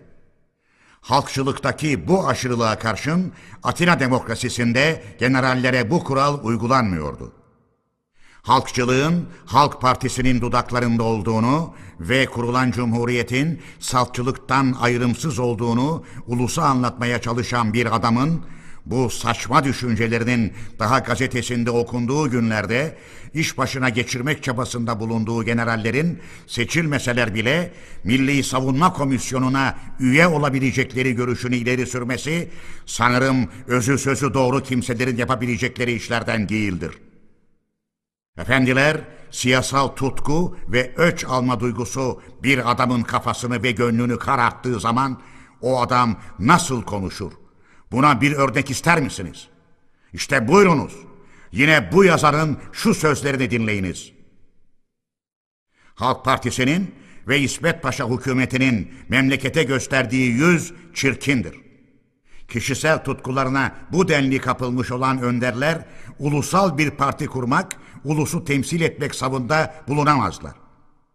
Gelecek günlere bağlandıkları umutla kaynayıp coşan gençler taze ve temiz canlarını memleketi kurtarmak için bağışladılar. Bunu memleketin kendilerinden ve tutkularından başka bir şey düşünmeyen siyasacılar elinde oyuncak olması için yapmadılar. Gerçeğin tam karşıtını yanıltmacalı ve saçma sapan sözlerle söyleyen bu adam, bizim kurduğumuz partiyi ve bizim hükümet kurmakla görevlendirdiğimiz İsmet Paşa'nın ve hükümetinin yüzünü çirkin görüyor ve gösteriyor. Efendiler, bizim yüzümüz her zaman ak ve temizdi. Her zaman da ak ve temiz kalacaktır. Yüzü çirkin ve gönlü çirkinliklerle dolu olanlar bizim yurtseverce, insanca ve namusluca davranışlarımızı bayağı ve çirkin tutkuları yüzünden çirkin göstermeye kalkışanlardır. Mecliste gen sorunun son günü. Efendiler, 8 Kasım günü mecliste yine gen soru görüşmeleri yapıldı. Feridun Fikri Bey'in meclis soruşturmasının kabul edilmesi için yaptığı uzun konuşma birçok milletvekillerinin sözleriyle karışarak epeyce sürdü. Ondan sonra Yunus Nadi Bey kürsüye çıkarak efendiler dedi. Memleketin yönetim biçimi söz konusudur. Cumhuriyet yönetimi söz konusudur. Her şeyden önce bu işi görüşmek gerekir. Yunus Nadi Bey, Rauf Bey'in bir gün önceki sözlerine değinerek Cumhuriyet gelişerek mi ulusal egemenlik doğmuştur yoksa ulusal egemenlik gelişerek mi cumhuriyet doğmuştur gibi bir kuramın tartışılmasının yersiz olduğunu açıkladı. Rauf Bey'in halife, padişah şöyle dursun, bu makamın haklarını alabilecek herhangi bir makama karşıyım yolundaki sözlerini Yunus Nadi Bey şöyle açıkladı. Rauf Bey'e göre bu makamın hakları vardır. Anlatış açıktır. Saklı hakları vardır. Sakın kimse almasın. Günün birinde belki kullanılacaktır. Oysa anayasa çıkmıştır. Bütün makamlar saptanmıştır. Bütün durumlar yasa ile belirtilmiştir. Ama yine de boş öyküler, boş sözler söylüyor. Bundan sonra Yunus Nadi Bey şu sözleri söyledi. Cumhuriyeti beğenmeyen adamlar vardır. Açıkça söyleyemedikleri şeyi içlerinde besleyen yaratıklar vardır ve aramızdadırlar. Böyle adamların kafası ezilir efendiler. Yunus Nadi Bey, Rauf Bey ve arkadaşlarının gösterili durum takınmalarından, müfettiş paşaların çekilmelerinden ve meclisin içinde oyun oynatılamayacağından söz ettikten sonra dedi ki, özel ve gizli düzenlerle kimi amaçlara ulaşırız kuruntusunda bulunmak ve Türkiye Büyük Millet Meclisi'nin köşesinde oturarak bunları yapmak saygısızlıktır. Kabul edemeyiz efendim. Yunus Nadi Bey, Refet Paşa'ya ilişerek şunları söyledi. Refet Paşa Hazretleri bildiğiniz üzere 6-7 ay önce gösterişli ve yersiz kimi yayınlar ve demeçlerle milletvekilliğinden çekilmişlerdir. Şaşılacak bir olaydır. Gerekçe olarak bildirmişlerdi ki milletvekilliğinden çekilmesinin nedeni karanlık odada yakın arkadaşlar arasında ulusal ant mı ne bir şey varmış. Orada toplanan arkadaşları iş başına getirecekmiş. Efendim çok ilgi duydum bu işe. Afyonkarahisar Milletvekili Ali Bey oturduğu yerden söze karıştı ve yani generaller hükümeti dedi. Yunus Nadi Bey çok ilgi duydum bu işe diyerek konuşmasını şöylece sürdürdü. Anayasa vardır. Cumhuriyet kurulmuştur. Hükümet nasıl kurulacaktır? Orada yazılıdır. Bütün bunları yöneten bir Türkiye Büyük Millet Meclisi vardır. Hayır, bunlar yetmez. İstenir ki Refet Paşa milletvekilliğinden çekilsin ve gitsin, hükümet kursun. Yakın arkadaşlar toplansın. Ne inançtır bu? Efendim, dağ başında mıyız? Demirci Efe'yi alarak gelip de hükümeti mi kuracaktı? Meclis yok mudur? Anayasa yok mudur? Bu ne mantıksızca iştir. Refet Paşa, Yunus Nadi Bey'e karşılık vermek üzere kürsüye çıktı. Kendini savunmaya çalışırken Rauf Bey ile aralarındaki görüş birliğinden ve Rauf Bey'in söylediği her şeyin onun adına da yazılması gerektiğinden söz ettikten sonra iki asker milletvekilinin meclise dönmesini istemişsem acaba Çin'de olduğu gibi bir cumhuriyet mi yapmak istemiş olurum dedi. Refet Paşa'nın sözlerine birçok milletvekilleri oturdukları yerlerden kısa karşılıklar vermeye başladılar. Karşılıklı tartışmalar oldu. En sonu kürsü başka bir muhalif milletvekiline bırakıldı. Ondan sonra kürsüye çıkan Mahmut Esat Bey İzmir, günlerden beri sürmekte olan tartışmalara ve daha sonu gelmeyen görüşmelere ne devrim ve ne de ulus dayanabilir dedikten sonra durumun yalnızca devrim adına, devrimleri ileri götürmek adına hükümeti düşürmek olmadığını açıkladı. Mahmut Esat Bey her şeyden önce gidilecek yolları belirtmek gerektiğini, o zaman daha iştenlikle ve daha kesin yürünebileceğini söyledi ve Rauf Bey'in görüşüne değinerek şu irdelemelerde bulundu. Ulusal egemenlik başka bir sorundur. Cumhuriyet, meşrutiyet, saltçılık, zorbalık da başka birer sorundur. Kimisi hükümet biçimidir, kimisi de ulusal iradenin yürütülmesi ve uygulanmasıdır. Bu dört yöntem içinde değişik biçimde ulusal egemenliğin uygulandığını görmekteyiz. Dahası zorbalıkta bile bir parça uygulanmaktadır. Meşrutiyette biraz daha çok, cumhuriyette daha çok. Öyleyse bu bakımdan bu iki şeyi karıştırmamak gereklidir. Ulusal egemenlik cumhuriyetin gelişimi demek değildir. Çünkü ulusal egemenlik biçim değildir, öz ve ilke işidir. Mahmut Esat Bey, Rauf Bey'in kişisel görüş diye ortaya attığı sözler üzerinde gerektiği ölçüde durduktan sonra Türk devrimi yükseliyor. Ancak bu devrimi amacına, ulusça beklenilen amacına çarçabuk ulaştırmak için gerçek durumun hemen açıklanması gereklidir. Türk ulusu ortada halkçılık adına çekilmiş bir kılıç gibi bunu beklemektedir. Sözleriyle konuşmasını bitirdi. Bundan sonra Adalet Bakanı Necati ve Milli Eğitim Bakanı Vasıf Beyler muhalif milletvekillerinin sorularına uzun konuşmalarla karşılık verdiler. Rıza Nur Bey'in Arnavutları Türklere karşı ayaklandırmaya çalışanlardan biri olduğu anlaşıldı. Maliye Bakanı Mustafa Abdülhalik Bey konuşmasına başlamadan önce Rıza Nur Bey'den tutanaktaki sözlerinden kimisinin açıklanmasını istedi. Rıza Nur Bey, yan yalıların Türklüğünü işkilli gösterecek biçimde sözler söylemişti. Abdülhalik Bey, Rıza Nur Bey'in yanlış sanısını şöyle düzeltti. Doktor Bey 600 yıl önce Arnavutluğun bir parçası olan Yanya'ya giden atalarımızın orada bıraktıkları torunlarını başka bir soydanmış gibi gösteriyor. Hem kim? Üzülerek söylüyorum. Öyle saygıdeğer bir arkadaşım ki 6 yıldan beri bağnaz bir ulusçu olmuştur. Daha önce değildi. Kendileri daha iyi bilirler. Ben o Yanyalı dedikleri adam Türklük için silahla savaşırken kendileri tersine Türklüğe karşı ayaklanmaya kışkırtmıştır. Gerçekten Rıza Nur Bey'in birçok siyasal savaşlara katıldığı biliniyordu. Bu durumu ulusçu olarak Büyük Millet Meclisi zamanında kendisine türlü görevler verilmesine engel sayılmamıştı. Ama Türklerin Rumeli'den çıkarılması gibi her Türk'ün yüreğinde sonsuz ve onulmaz bir acı yaratan büyük yıkım zamanında aşırı ulusçu Rıza Nur Bey'in Arnavut ayaklanıcılarla birlikte Türklere karşı çalıştığını bilmiyorduk. Bu anlaşılınca Büyük Millet Meclisi'ni büyük ve gerçek bir şaşkınlık kapladı. Bundan sonra Maliye Bakanı öbür konulara geçti. Daha sonra Tarım Bakanı Şükrü Kaya Bey konuştu. Şükrü Kaya Bey özellikle Tarım Bakanlığını yeren bir milletvekiline karşılık verdi ve tarım işlerinin güzel cümleler, güzel sözler, güzel mantıklarla gizlenecek bir şey olmadığını açıkladıktan sonra bu toprağa yazılan bir yapıttır. Onun sayfaları açık ve herkesce okunmaktadır dedi ve ekledi. Kalkıp da büyük meclisin önünde şöyle yapıldı, böyle yapıldı gibi yanıltmacalar ileri sürülebilir mi? Bu ne kendini bilmezliktir.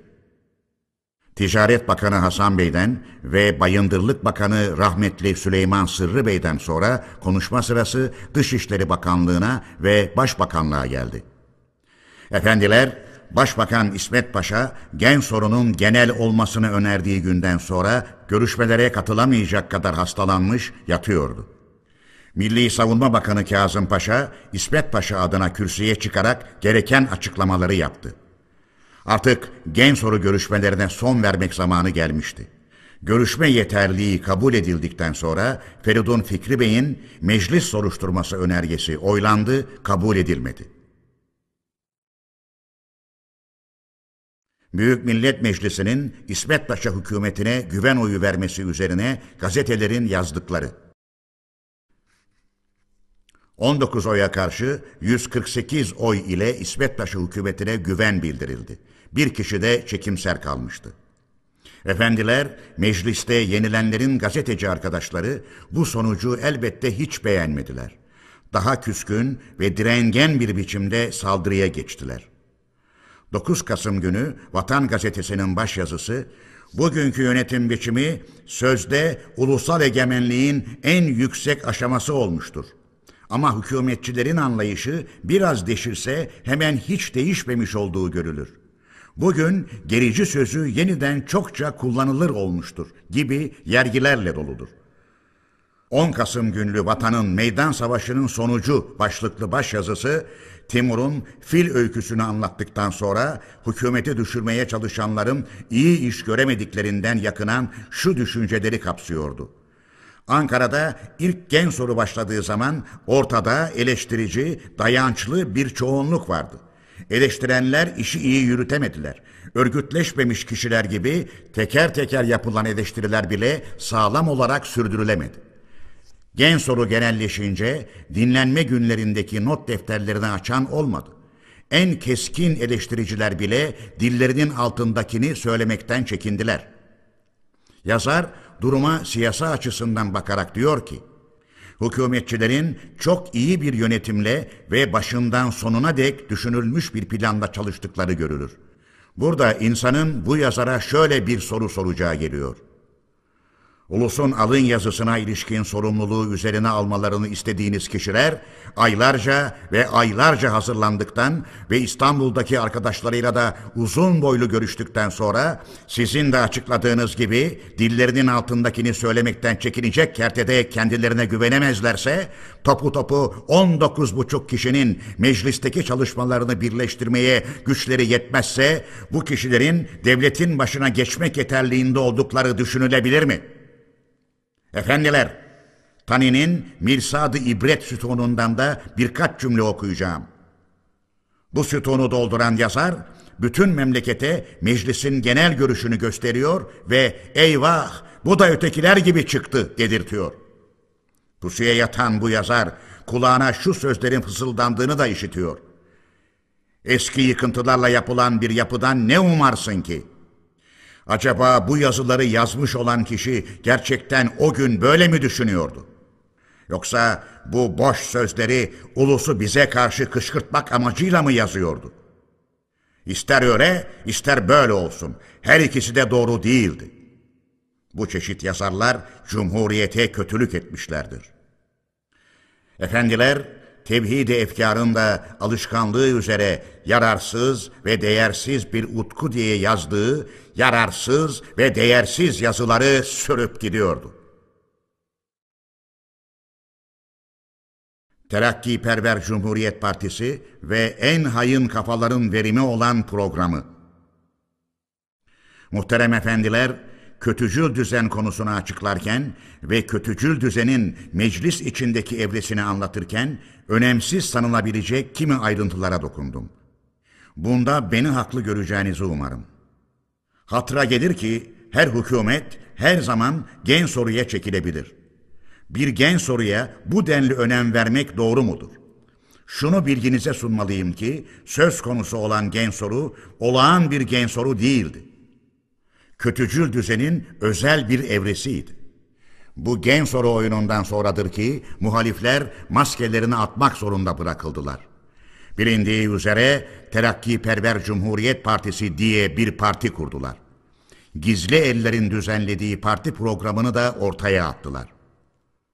Cumhuriyet sözcüğünü söylemekten bile çekinenlerin, Cumhuriyeti daha doğduğu gün boğmak isteyenlerin kurdukları partiye Cumhuriyet hem de ilerici Cumhuriyet adını vermeleri içten gelme ve inanılır bir davranış sayılabilir mi? Rauf Bey ve arkadaşlarının kurdukları parti tutucu diye nitelendirilseydi belki anlamı olurdu. Ama bizden daha çok cumhuriyetçi ve bizden daha çok ilerici olduklarını savlamaya kalkışmaları elbette doğru değildi. Parti, dinsel düşünce ve inançlara saygılıdır. Sözlerini ilke edinip bayrak gibi kullanan kişilerden iyi niyet beklenebilir miydi? Bu bayrak yüzyıllardan beri zavallı cahilleri, bağnazları ve boş şeylere saplanmış olanları aldatarak özel çıkarlar sağlamaya kalkışmış kimselerin taşıdıkları bayrak değil miydi?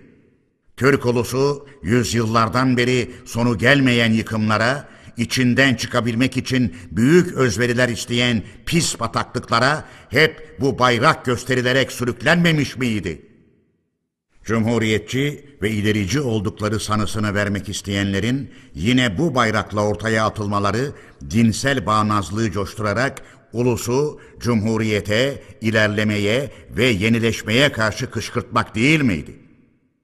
Yeni parti dinsel düşünce ve inançlara saygı perdesi altında biz halifeliğin yeniden kurulmasını isteriz. Biz yeni yasalar istemeyiz. Bize eski yasalar yeter.'' Medreseler, tekkeler, bilgisiz softalar, şeyhler, müritler biz sizi koruyacağız. Bizimle birlik olunuz. Çünkü Mustafa Kemal'in partisi halifeliği kaldırdı. Müslümanlığı zedeliyor. Sizi gavur yapacak, size şapka giydirecek diye bağırmıyor muydu? Yeni partinin ilke edindiği sözler bu gerici haykırışlarla dolu değil midir?'' Bu ilkeye bağlı olanlardan birinin çok zaman önce yani 10 Mart 1923 günü asılan Cebranlı Kürt Halit Bey'e yazdığı mektuptaki şu cümlelere bakınız efendiler. Müslümanlık dünyasının daimi olmasını sağlayan ilkelere saldırıyorlar. Bu konudaki yorumlarınızı arkadaşlara da okudum. Hepsinin çabalarını arttırdı. Batılılaşmak tarihimizi, uygarlığımızı yitirmeyi zorunlu kılar. Halifeliği yıkmak, din işlerine karışmayan bir hükümet kurmayı düşünmek, bunlar Müslümanlığın geleceğini tehlikeye atacak etmenleri yaratmaktan başka bir sonuç veremez. Efendiler, olup bitenler de gösterdi ve tanıtladı ki, Terakkiperver Cumhuriyet Partisi programı en hayın kafaların ürünüdür. Bu parti yurtta cana kıyıcıların, gericilerin sığınağı ve dayanağı oldu. Dış düşmanların yeni Türk devletini, Körpe Türk Cumhuriyeti'ni yıkmayı öngören planlarının kolaylıkla uygulanmasına yardım etmeye çalıştı. Tarih, gizli amaçlarla düzenlenmiş, genel ve gerici Doğu ayaklanmasının nedenlerini inceleyip araştırdığı zaman, onun önemli ve belirli nedenleri arasında Terakkiperver Cumhuriyet Partisi'nin dinsel konularda verdiği sözleri ve Doğu'ya gönderdiği sorumlu yazmanın kurduğu örgütleri ve yaptığı kışkırtmaları bulacaktır. Günlüğünü nafile ve gece namazlarının sevabını anlatan hadislerle doldurmuş olan bu sorumlu yazman, Doğu illerimizde dinsel kışkırtmalarda bulunurken kendi partisinin programını uygulamıyor muydu? Suçsuz halka beş vakit namazdan başka geceleri de çokça namaz kılmayı söyleyip öğütleyen adam belki de yaşamı boyunca hiç namaz kılmamış olan bir siyasacı olursa bu davranışın ereği anlaşılmaz olur mu?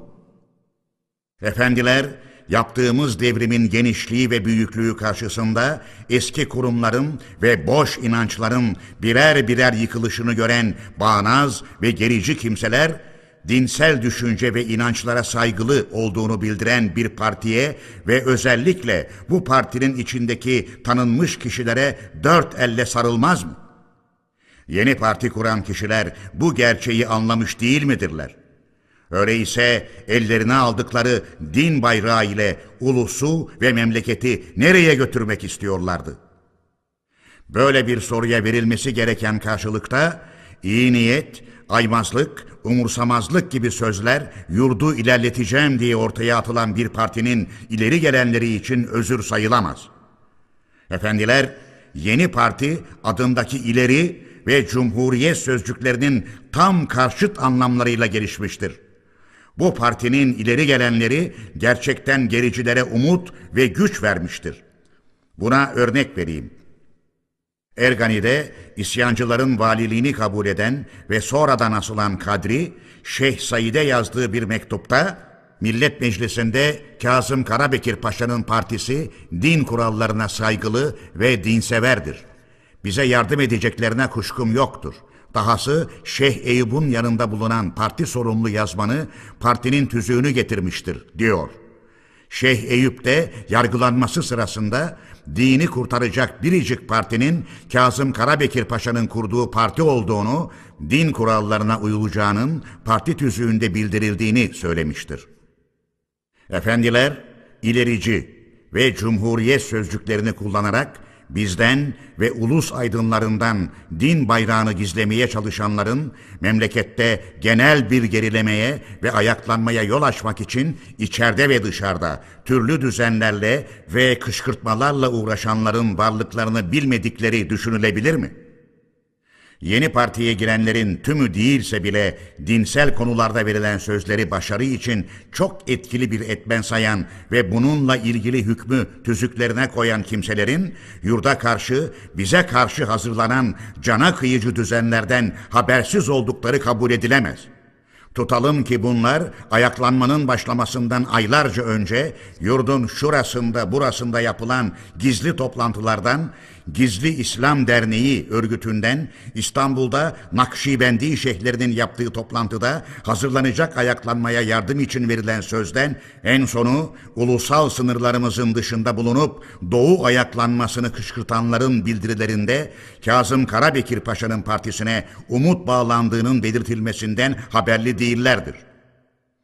Ama bunların Fethi Bey hükümeti zamanında partilerinin ayaklanmaya ve geriliğe kışkırtıcı durum ve nitelikte olduğunu ve yurda zarar verdiğini Fethi Bey'in kendilerine bildirmesinden sonra olsun gerçeği görüp anlamaları gerekmez miydi? Hükümetin ve benim çok temiz yürekle yaptığımız bu uyarmalardan sonra olsun gerçeği anlamaları ve ona göre davranmaları gerekirdi. Onlar tersine bu kez de dinsel düşünce ve inançlara saygılıyız sözlerini büsbütün karşıt anlamda yorumlamaya kalkıştılar. Sanki bu sözlerle her dinin ve her türlü dinden olan kişilerin düşünce ve inançlarına saygılı olduklarını söylemek, geniş ölçüde özgürlük sever olduklarını anlatmak istiyorlarmış. Efendiler böyle bir tutuma doğru ve samimi denemez. Siyasi alanında birçok oyunlar görülür. Ama kutsal bir ülkünün belirtisi olan cumhuriyet yönetimine karşı, yenileşmeye karşı cahillik, bağnazlık ve her türlü düşmanlık ayağa kalktığı zaman özellikle ilerici ve cumhuriyetçi olanların yeri gerçek ilerici ve cumhuriyetçi olanların yanıdır. Yoksa gericilerin umut ve çalışma kaynağı olan yer değil. Ne oldu efendiler? Hükümet ve meclis olağanüstü tedbirler almayı gerekli gördü. Takriri sükun yasasını çıkardı. İstiklal mahkemelerini kurdu. Ordunun savaşa hazır 8-9 tümenini ayaklananları yola getirmek için uzun süre görevlendirdi. Terakkiperver Cumhuriyet Partisi denilen zararlı siyasal kuruluşu kapattı. Cumhuriyet düşmanlarının son alçakça girişimleri. Sonunda elbette Cumhuriyet başarı kazandı. Ayaklananlar yok edildi. Ama Cumhuriyet düşmanları büyük kötücül düzenlerinin son evresine geçtiler. Alçakça son bir girişim yaptılar. Bu da İzmir'de düzenlenen cana kıyma girişimidir. Cumhuriyet mahkemelerinin ezici eli bu kez de Cumhuriyeti cana kıyıcıların elinden kurtarmayı başardı. Yurtta dirlik ve düzenlik kurmak için uygulanan olağanüstü tedbirlerin iyi sonuçları. Muhterem efendiler, durumun ağırlaşması üzerine hükümetçe olağanüstü tedbirler alınması gerektiği yolundaki görüşümüzü ilk belirttiğimiz zaman bunu iyi karşılamayanlar vardı. Takriri sükun yasasını ve istiklal mahkemelerini zorbalık aracı olarak kullanacağımız düşüncesini ortaya atanlar ve bu düşünceyi aşılamaya çalışanlar oldu. Elbette zaman ve olaylar bu tiksinti verici düşünceyi aşılamaya çalışanları utanacak duruma düşürmüştür. Biz alınan olağanüstü ama yasaya uygun tedbirleri hiçbir zaman ve hiçbir biçimde yasa dışına çıkmak için araç olarak kullanmadık. Tersine yurtta dirlik ve düzenliği kurmak için uyguladık. Devletin yaşamasını ve bağımsızlığını sağlamak için kullandık. Biz o tedbirleri ulusun uygarlaşmasına ve toplumsal gelişmesine yararlı kıldık. Efendiler, aldığımız olağanüstü tedbirlerin uygulanmasına gerekseme kalmadığı görüldükçe onların uygulanmasından vazgeçilmekte duraksanmamıştır. Nitekim istiklal mahkemeleri iş bitince kaldırıldığı gibi. Takriri sükun yasası da yürürlük süresi sonunda yeniden Büyük Millet Meclisi'nin incelemesine sunuldu. Meclis yasanın bir süre daha yürürlükte kalmasını gerekli görmüş ise elbette bu ulusun ve cumhuriyetin yüksek yararları içindir. Yüksek Meclis'in bize zorbalık aracı vermek için bu kararı aldığı düşünülebilir mi? Efendiler, takriri sükun yasasının yürürlükte ve istiklal mahkemelerinin çalışmakta bulunduğu süre içinde yapılan işleri göz önüne getirecek olursanız, meclisin ve ulusun güven ve inancının tam yerinde kullanıldığı kendiliğinden anlaşılır. Yurtta yapılan büyük ayaklanma ve cana kıyma düzenleri ortadan kaldırılarak sağlanan dirlik ve düzenlik elbette kamuyu sevindirmiştir. Efendiler, ulusumuzun giymekte bulunduğu ve cahilliğin, aymazlığın, bağnazlığın, yenilik ve uygarlık düşmanlığının simgesi gibi görülen fesi atarak onun yerine bütün uygar ülkeler halkının kullandığı şapkayı giymesi ve böylece Türk ulusunun uygar toplumlardan anlayış yönünden de hiçbir ayrılığı olmadığını göstermesi gerekiyordu. Bunu takriri sükun yasasının yürürlükte bulunduğu sırada yaptık. Bu yasa yürürlükte olmasaydı yine yapacaktık. Ama buna yasanın yürürlükte oluşu da kolaylık sağladı denirse bu çok doğrudur. Gerçekten takriri sükun yasasının yürürlükte bulunuşu kimi gericilerin kamuoyunu geniş ölçüde zehirlemesine meydan bırakmamıştır. Gerçi bir Bursa milletvekili bütün yasama görevi boyunca hiçbir zaman kürsüye çıkmamış ve hiçbir zaman mecliste ulus ve cumhuriyet yararlarını savunmak için bir tek söz bile söylememiş olan Bursa milletvekili Nurettin Paşa, yalnız şapka giyilmesine karşı uzun bir önerge vermiş ve bunu savunmak için kürsüye çıkmıştır şapka giyilmesinin temel haklara, ulusal egemenliğe ve kişisel dokunulmazlığa aykırı işlem olduğunu savlamış ve bunun halka uygulanmamasını sağlamaya çalışmıştır. Ama Nurettin Paşa'nın ulus kürsüsünden alevlendirebildiği bağnazlık ve gericilik duyguları en sonu birkaç yerde ve yalnız birkaç gericinin istiklal mahkemelerinde hesap vermeleriyle söndü. Efendiler, tekke ve zaviyelerle türbelerin kapatılması ve bütün tarikatlarla şeyhlik, dervişlik, müritlik, çelebilik, falcılık, büyücülük, türbe bekçiliği vesaire gibi bir takım sanların kaldırılması ve yasak edilmesi de takriri sükun yasası yürürlükteyken yapılmış işlerdir.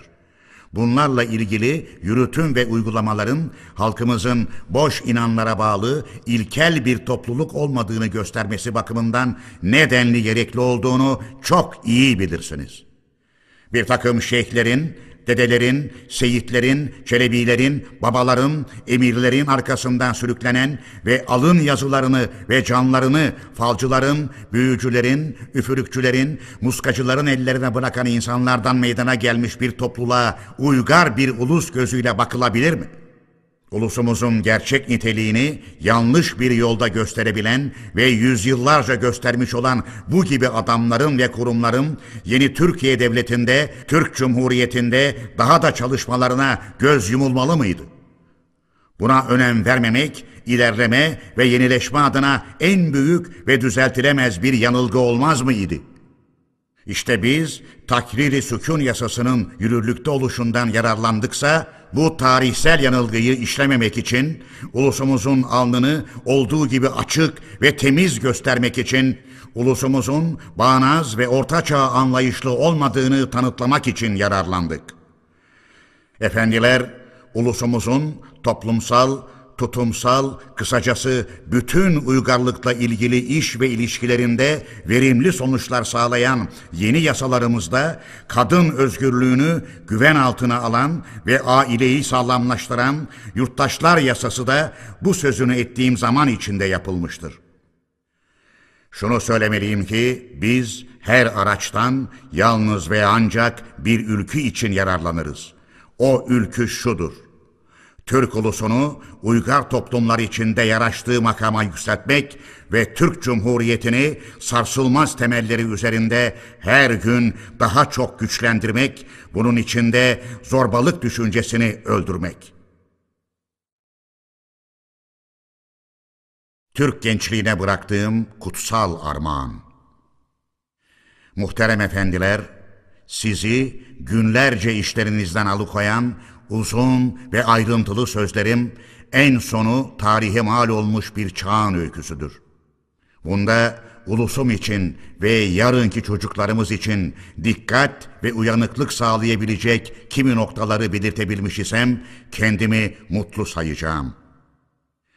Efendiler bu nutkumu ulusal varlığı sona ermiş sayılan büyük bir ulusun bağımsızlığını nasıl kazandığını, bilim ve tekniğin en son ilkelerine dayanan ulusal ve çağdaş bir devleti nasıl kurduğunu anlatmaya çalıştım.